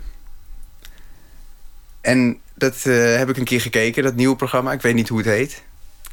En dat viel me vreselijk tegen. Toen is de rijdende rechter bij mij volledig door de mand gevallen eigenlijk. Ik dacht van, hé, hey, het format is de, is de kracht van het programma, niet de persoon. Dus dat nieuwe programma van die visser, dat, dat, dat haalt het Dat niet. mag, dat mag er van mij af. En hoe vind je de rijdende rechter met, met die eh, John Reed John van Reed, Fokken en. Sukken? Ja. Die doet het hartstikke Hey, goed. die doet het fantastisch. Ja, nee, dit, dit, dat, dat, dat is een van mijn lievelingsprogramma's. Is ook een mooi programma, omdat, omdat het zo verschrikkelijk... La condition humaine, als je, als je het zo wil noemen. Dat die, die mensen die maken ruzie over, over onbenulligheden en die komen er niet uit. Ja, is toch en, die- en, en, en het duurt dan al tien jaar. En, en dan komt er iemand die het gezag heeft van de rechter... en die trekt dan een streepje en dan is het ineens opgelost. En dan zijn ze blij nou, ook. zo, het, het is meestal helemaal niet zo erg opgelost. Die mensen willen elkaar nog steeds de hand vaak niet schudden na het programma. En na de uitspraak. Maar ehm, ja, ik, ik heb wel een zwak voor dat soort, soort leedvermaak televisie... dat ik denk, ach, mijn leven valt zelf nog wel mee. Het is gewoon puur relativeren. Het is, het is Je niet, kijkt naar die ik zie het mensen niet en je als denkt- eh, sadisme. Dat zie Nee. ik het niet. Nee, dat moet je volgens mij ook niet doen. Maar ik, ik denk wel, als ik, als ik zulke programma's zie... zo wil je toch niet leven, joh? Ja, maar ja. Ja. Ja, maar soms, je belandt daar volgens mij gewoon in. Ik, die, die mensen die, die hebben daar niet voor gekozen natuurlijk. Die, die, die zijn zich heel langzaam elke dag steeds meer aan elkaar gaan irriteren. Het is natuurlijk prachtig om te zien dat het helemaal, eh, helemaal misloopt. Voor mij als buitenstaander. Maar voor die mensen zelf is dat verschrikkelijk. Het is echt... Stel je voor, ik, ik zou, stel je voor, je hebt een probleem en iemand zegt ik ga de rijdende rechter. Dat je alleen al zegt oké, is goed, we gaan het op televisie uitvechten. Nou, dan ben je al een paar stadia gepasseerd waar, waar, waar ik helemaal geen weet van heb. Dan ben je kan me niet eens voorstellen. Nee, ik ook niet eigenlijk. Nee, nou kan je, dat is heel erg. Heel, heel erg. nou. Tre- Trek nog een kaart. Van wie heb je het meest geleerd? Eh, ja, dat is altijd moeilijk. Ja, van de piano met de lampjes natuurlijk. Ja, ja, dat was dan een hele goeie. Eh, ik heb eh, les gehad, ook van een hele goede organist. Eh, Nico Brandsen, daar heb ik heel veel van geleerd. Ehm, en ik heb veel naar Herman Brood gekeken. Ik vind hem grappig en goed. Goede muzikant ook. Goede muzikant, ja. ja. Goede toetsenist ook, maar hij speelde vaak ook eh ja, maar dat zijn precies de twee dingen die ik ook tof vind om te spelen. Ik, ik vind orgelspelen gaaf, dus dat heb ik, eh, heb ik geleerd. Ik heb, maar ik vind ook dat die boogie-woogie-achtige piano, weet je wel... Dat, eh, met die walking bass en zo... Daar vind ik eigenlijk dat Herman Brood had zich daar een hele eigen stijl aan gemeten. Het was best wel hard en ook wel een beetje soms onbeholpen... maar ook, het was ook heel erg goed. En heel erg rock'n'roll. Ja, zeker. Ja. En dat moeten we niet vergeten, want het eh Dans en Show Orkest is natuurlijk ook, ook uiteindelijk gewoon een rock'n'roll bandje. Ja, eigenlijk wel, ja. Meer, dan, meer nog dan het levenslied. ja, ja, ik ben, ja, zeker. Ja. Dank dat je te gast wilde zijn en eh, veel succes met het eh, project Parels van de Jordaan en met het Thijs Boontjes Dans en Show Orkest. Thijs, Merci. dank je wel. Dank. En dat is uh, komende zondag in Paradiso, het uh, Parels van de Jordaan Festival. Met onder meer Willeke Alberti, Janne Schra, Wende Snijders, Roxanne Hazes, Dries Roelvink, Mieke Stemerdink en Lucky Fons de derde. Mary Jane, een van de vele bijnamen van cannabis. En uh, daar heeft Tom Petty een mooi nummer over geschreven. Mary Jane's Last Dance.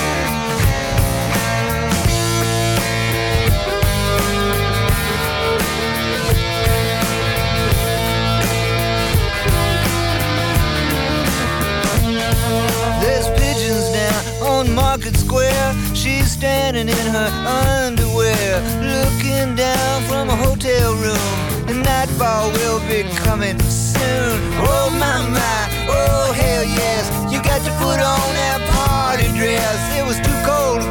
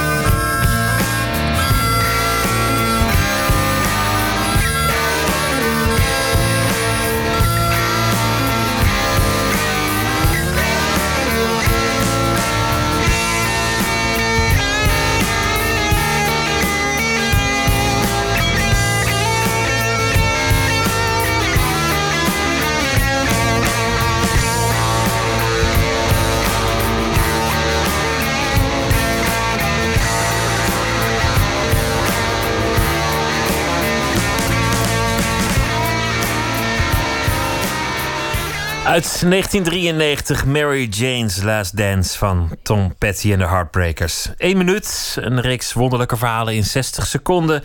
Dit keer heet hij Blinde Schilder. Pst, Eén minuut.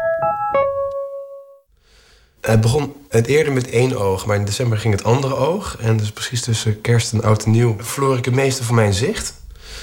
En ik kan me heel goed de eerste dag herinneren dat ik dat atelier weer binnenstapte. En een paar maanden daarvoor schilderde ik nog heel erg groot en, en gedetailleerd. En alles lag daar natuurlijk eh onaangeroerd. En ik was een beetje vergeten dat ik, dat ik zo slecht zag. Dus ging allemaal door elkaar heen lopen. Ik nam de, de verkeerde keuzes. Het werd gewoon één grote, één grote vlek. Nou, ik was dus echt op het punt om het atelier te verlaten. In ieder geval, ik heb in ieder geval heel veel de boel bij elkaar geschreeuwd en in elkaar getrapt. En daarna wilde ik het atelier verlaten. Maar ehm, toen dacht ik, weet je, laat ik het nog één keer proberen. Maar laten we nu even nadenken. Goed nadenken. Mijn Coca-Cola en mijn eten absoluut op een andere tafel. Want ik had de mensen ook al drie keer in de Coca-Cola gedoopt. En gewoon heel duidelijk van tevoren kiezen welke kleuren. En dat werd een gezicht. Dat werd dit gezicht. Maar wacht even, voor mij is, is dit... Het is wit met een paar zwarte vlekken. Mhm. Ja. ja, dat is het. Dit schilderij legt heel erg goed uit. Heel erg goed uit. Hoe ik het nu zie. Eén minuut gemaakt door Jennifer Patterson. En morgen hoort u er weer een in Nooit meer slapen. Graham Nash was een van de leden van Crosby, Stills, Nash Young. Zijn eerste soloalbum uit 1971 heette Songs for Beginners. Dat schreef hij allemaal kort nadat zijn relatie met Joni Mitchell op de klippen was gelopen. Een paar jaar terug verscheen er een soort hommage van verschillende artiesten die dit mooie plaat vonden dat ze besloten hem helemaal na te spelen.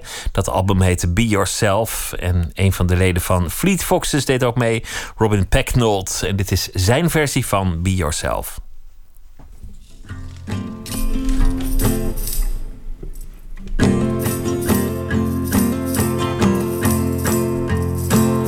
How does it feel when life doesn't seem real and you're floating about a moon? Your life's uncertain, so you draw the curtain, pretending Don't theorize, look in your eyes, they can't tell lies, though you may disguise what you see. The mirror is free. We once had a savior,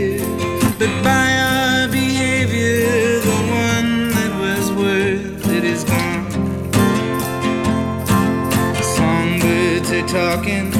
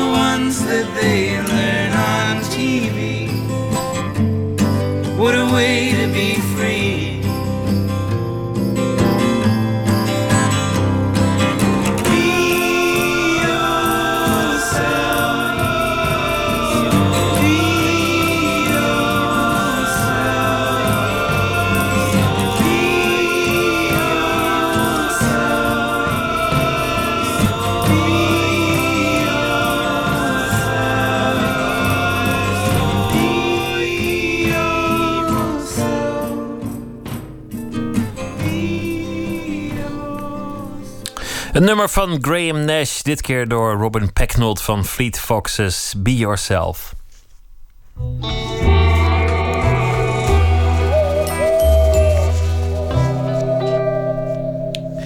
Schrijver Ernest van der Kwast zal deze week elke nacht een beschouwing schrijven bij de dag die achter ons ligt.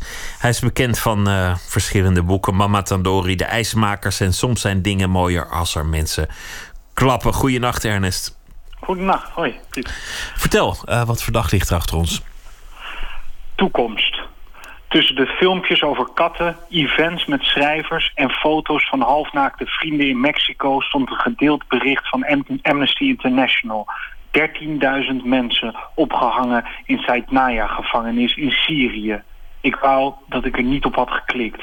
Mijn nekharen gingen recht overeind staan bij de getuigenissen van voormalige bewakers en gevangenen. Er werden 50 mensen per week opgehangen. In totaal 13.000 in de periode 2011-2015. Dat toont het rapport Human Slaughterhouse aan. Gisteren door Amnesty gepresenteerd. Hierin staat ook dat jonge gevangenen niet stierven omdat ze te licht waren. Assistenten van de officieren trokken hen naar beneden om hun nek te breken. Saitnaya is het einde van het leven, het einde van de menselijkheid. Zo citeert Amnesty een ex-bewaker uit de gevangenis. Ik sprak in december met de 20-jarige Heba Ali Brahim. Ze doet de vastvuuropleiding aan de Vrije Universiteit. Dat is de laatste drie jaar VWO in één jaar, om zo te kunnen gaan studeren. Het is voor vluchtelingen de enige toegang tot de universiteit. Heba komt uit Syrië. Haar vader heeft in de gevangenis gezeten omdat hij als arts tegenstanders van het regime opereerde. Hij werd drie maanden vastgezet, vertelde Heba mij. Toen hij vrijkwam zijn ze gevlucht via Jordanië naar Nederland. De vader van Heba heeft nooit verteld wat in de gevangenis is gebeurd. Hij is somber en stil. Tegen zijn dochter heeft hij gezegd... jouw toekomst is mijn toekomst geworden. Over de gruwelijkheden die in uh, Syrië plaatsvinden. Ik, ik, las ook dat de bewakers zich verheugden op het moment dat er weer executies zouden plaatsvinden of, uh, of martelingen. En dat ze daar allerlei namen voor hadden. Het is morgen weer feest. Ja, verschrikkelijk. Ja. En dan was het feest om, om iemand uh, zo langzaam mogelijk te laten sterven met zoveel mogelijk pijn. Mm -hmm. En, en dat, dat, dat verwondert toch. Dan vraag je toch af hoe, hoe het zover kan komen dat iemand daar genot aan gaat beleven.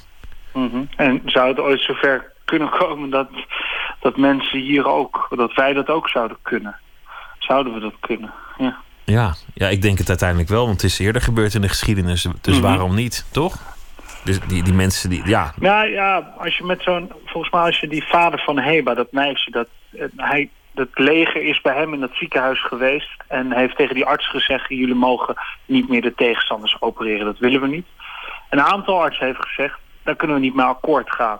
Dat, dat, om, omdat dat is de eet die we hebben afgelegd. We moeten iedereen helpen. Die mensen zijn opgepakt. Ja, volgens mij maakt, zijn dat soort mensen wel die het verschil kunnen maken misschien. Dat zijn de helden in zo'n conflict. Ja, ja, je wordt ervoor straf. Hij heeft maar drie maanden gezeten en kwam naar broodmagen en bleek uit. Maar ja, de kans is natuurlijk ook groot dat je er nooit meer uitkomt. Maar, ja. Terwijl dat natuurlijk een, een minuscule misdaad is, een, een, tegenstander opereren.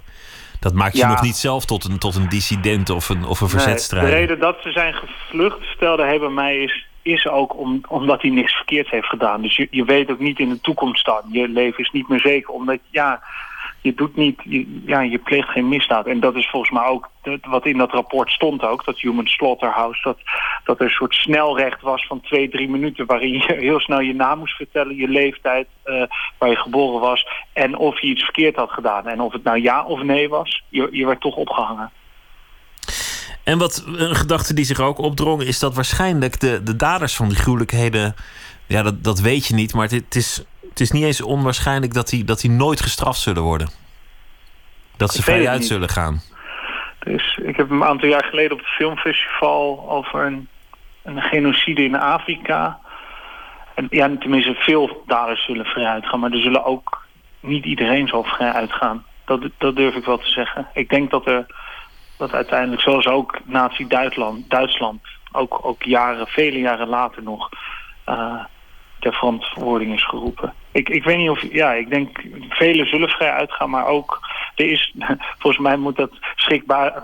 Moet het toch eh, enige schrik eh, brengen. Dat, dat er toch wel recht zal worden gesproken. Ooit. Dat dit ooit het verleden van Syrië zal zijn en dat het ooit eh, ermee zal worden afgerekend. Ja, in ieder geval. Want ook, kijk, dit is natuurlijk, dit is, eh, dat, dat staat in het rapport, dat ook de, de, in, de, in de hoge geledingen, dat dit met goedkeuring is gedaan. Dat, dat men hier vanaf weet. En, en die mensen, die namen zijn bekend. Dus zij hebben ook een opdracht gegeven hiertoe. Van eh, misschien niet de beulen dan zelf, of misschien ook, maar ik, ik denk dat, ja, het wordt nog een lang proces. Het wordt nog vele jaren. Maar laten we hopen dat, dat, dat er dat, dat, dat, dat deze 13.000 doden, dat er in ieder geval schuldigen voor worden gevonden. Ik hoop het ook. maar paar. Ja. Ernest, dankjewel en een goede nacht. En graag weer tot morgen. Ja. Thundercat, een Amerikaanse zanger, bassist en een fan van muziek uit de 70 jaren.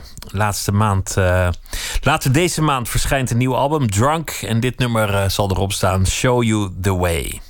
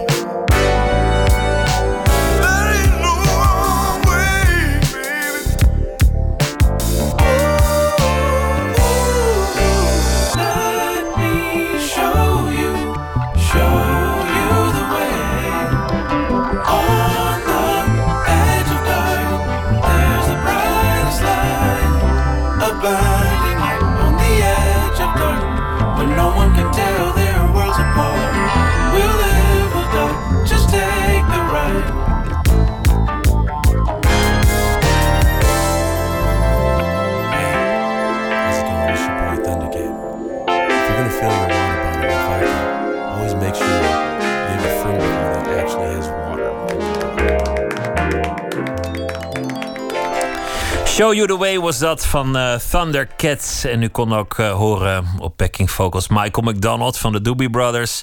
En Kenny Loggins, bekend van vele grote hits uit de jaren 80. Zong ook mee op eh, de benefietsingle We Are The World. Deed hij het zinnetje We are the ones to make a better day. Die dus. Morgen in Nooit meer slapen Brechtje Bleker, schrijver. Zij komt op bezoek. Ze debuteerde met Walrus. Een roman over een student die verliefd wordt op een eh, rijke hashhandelaar in de jaren 90. Haar tweede boek is uit, Eva. En dat gaat over het leven van haar moeder. En dat is een eh, mooi verhaal, maar ook een pijnlijk verhaal. Want de moeder werd ziek. Dat allemaal morgen in Nooit meer slapen. Wens ik u een hele goede nacht. En graag weer. Tot morgen.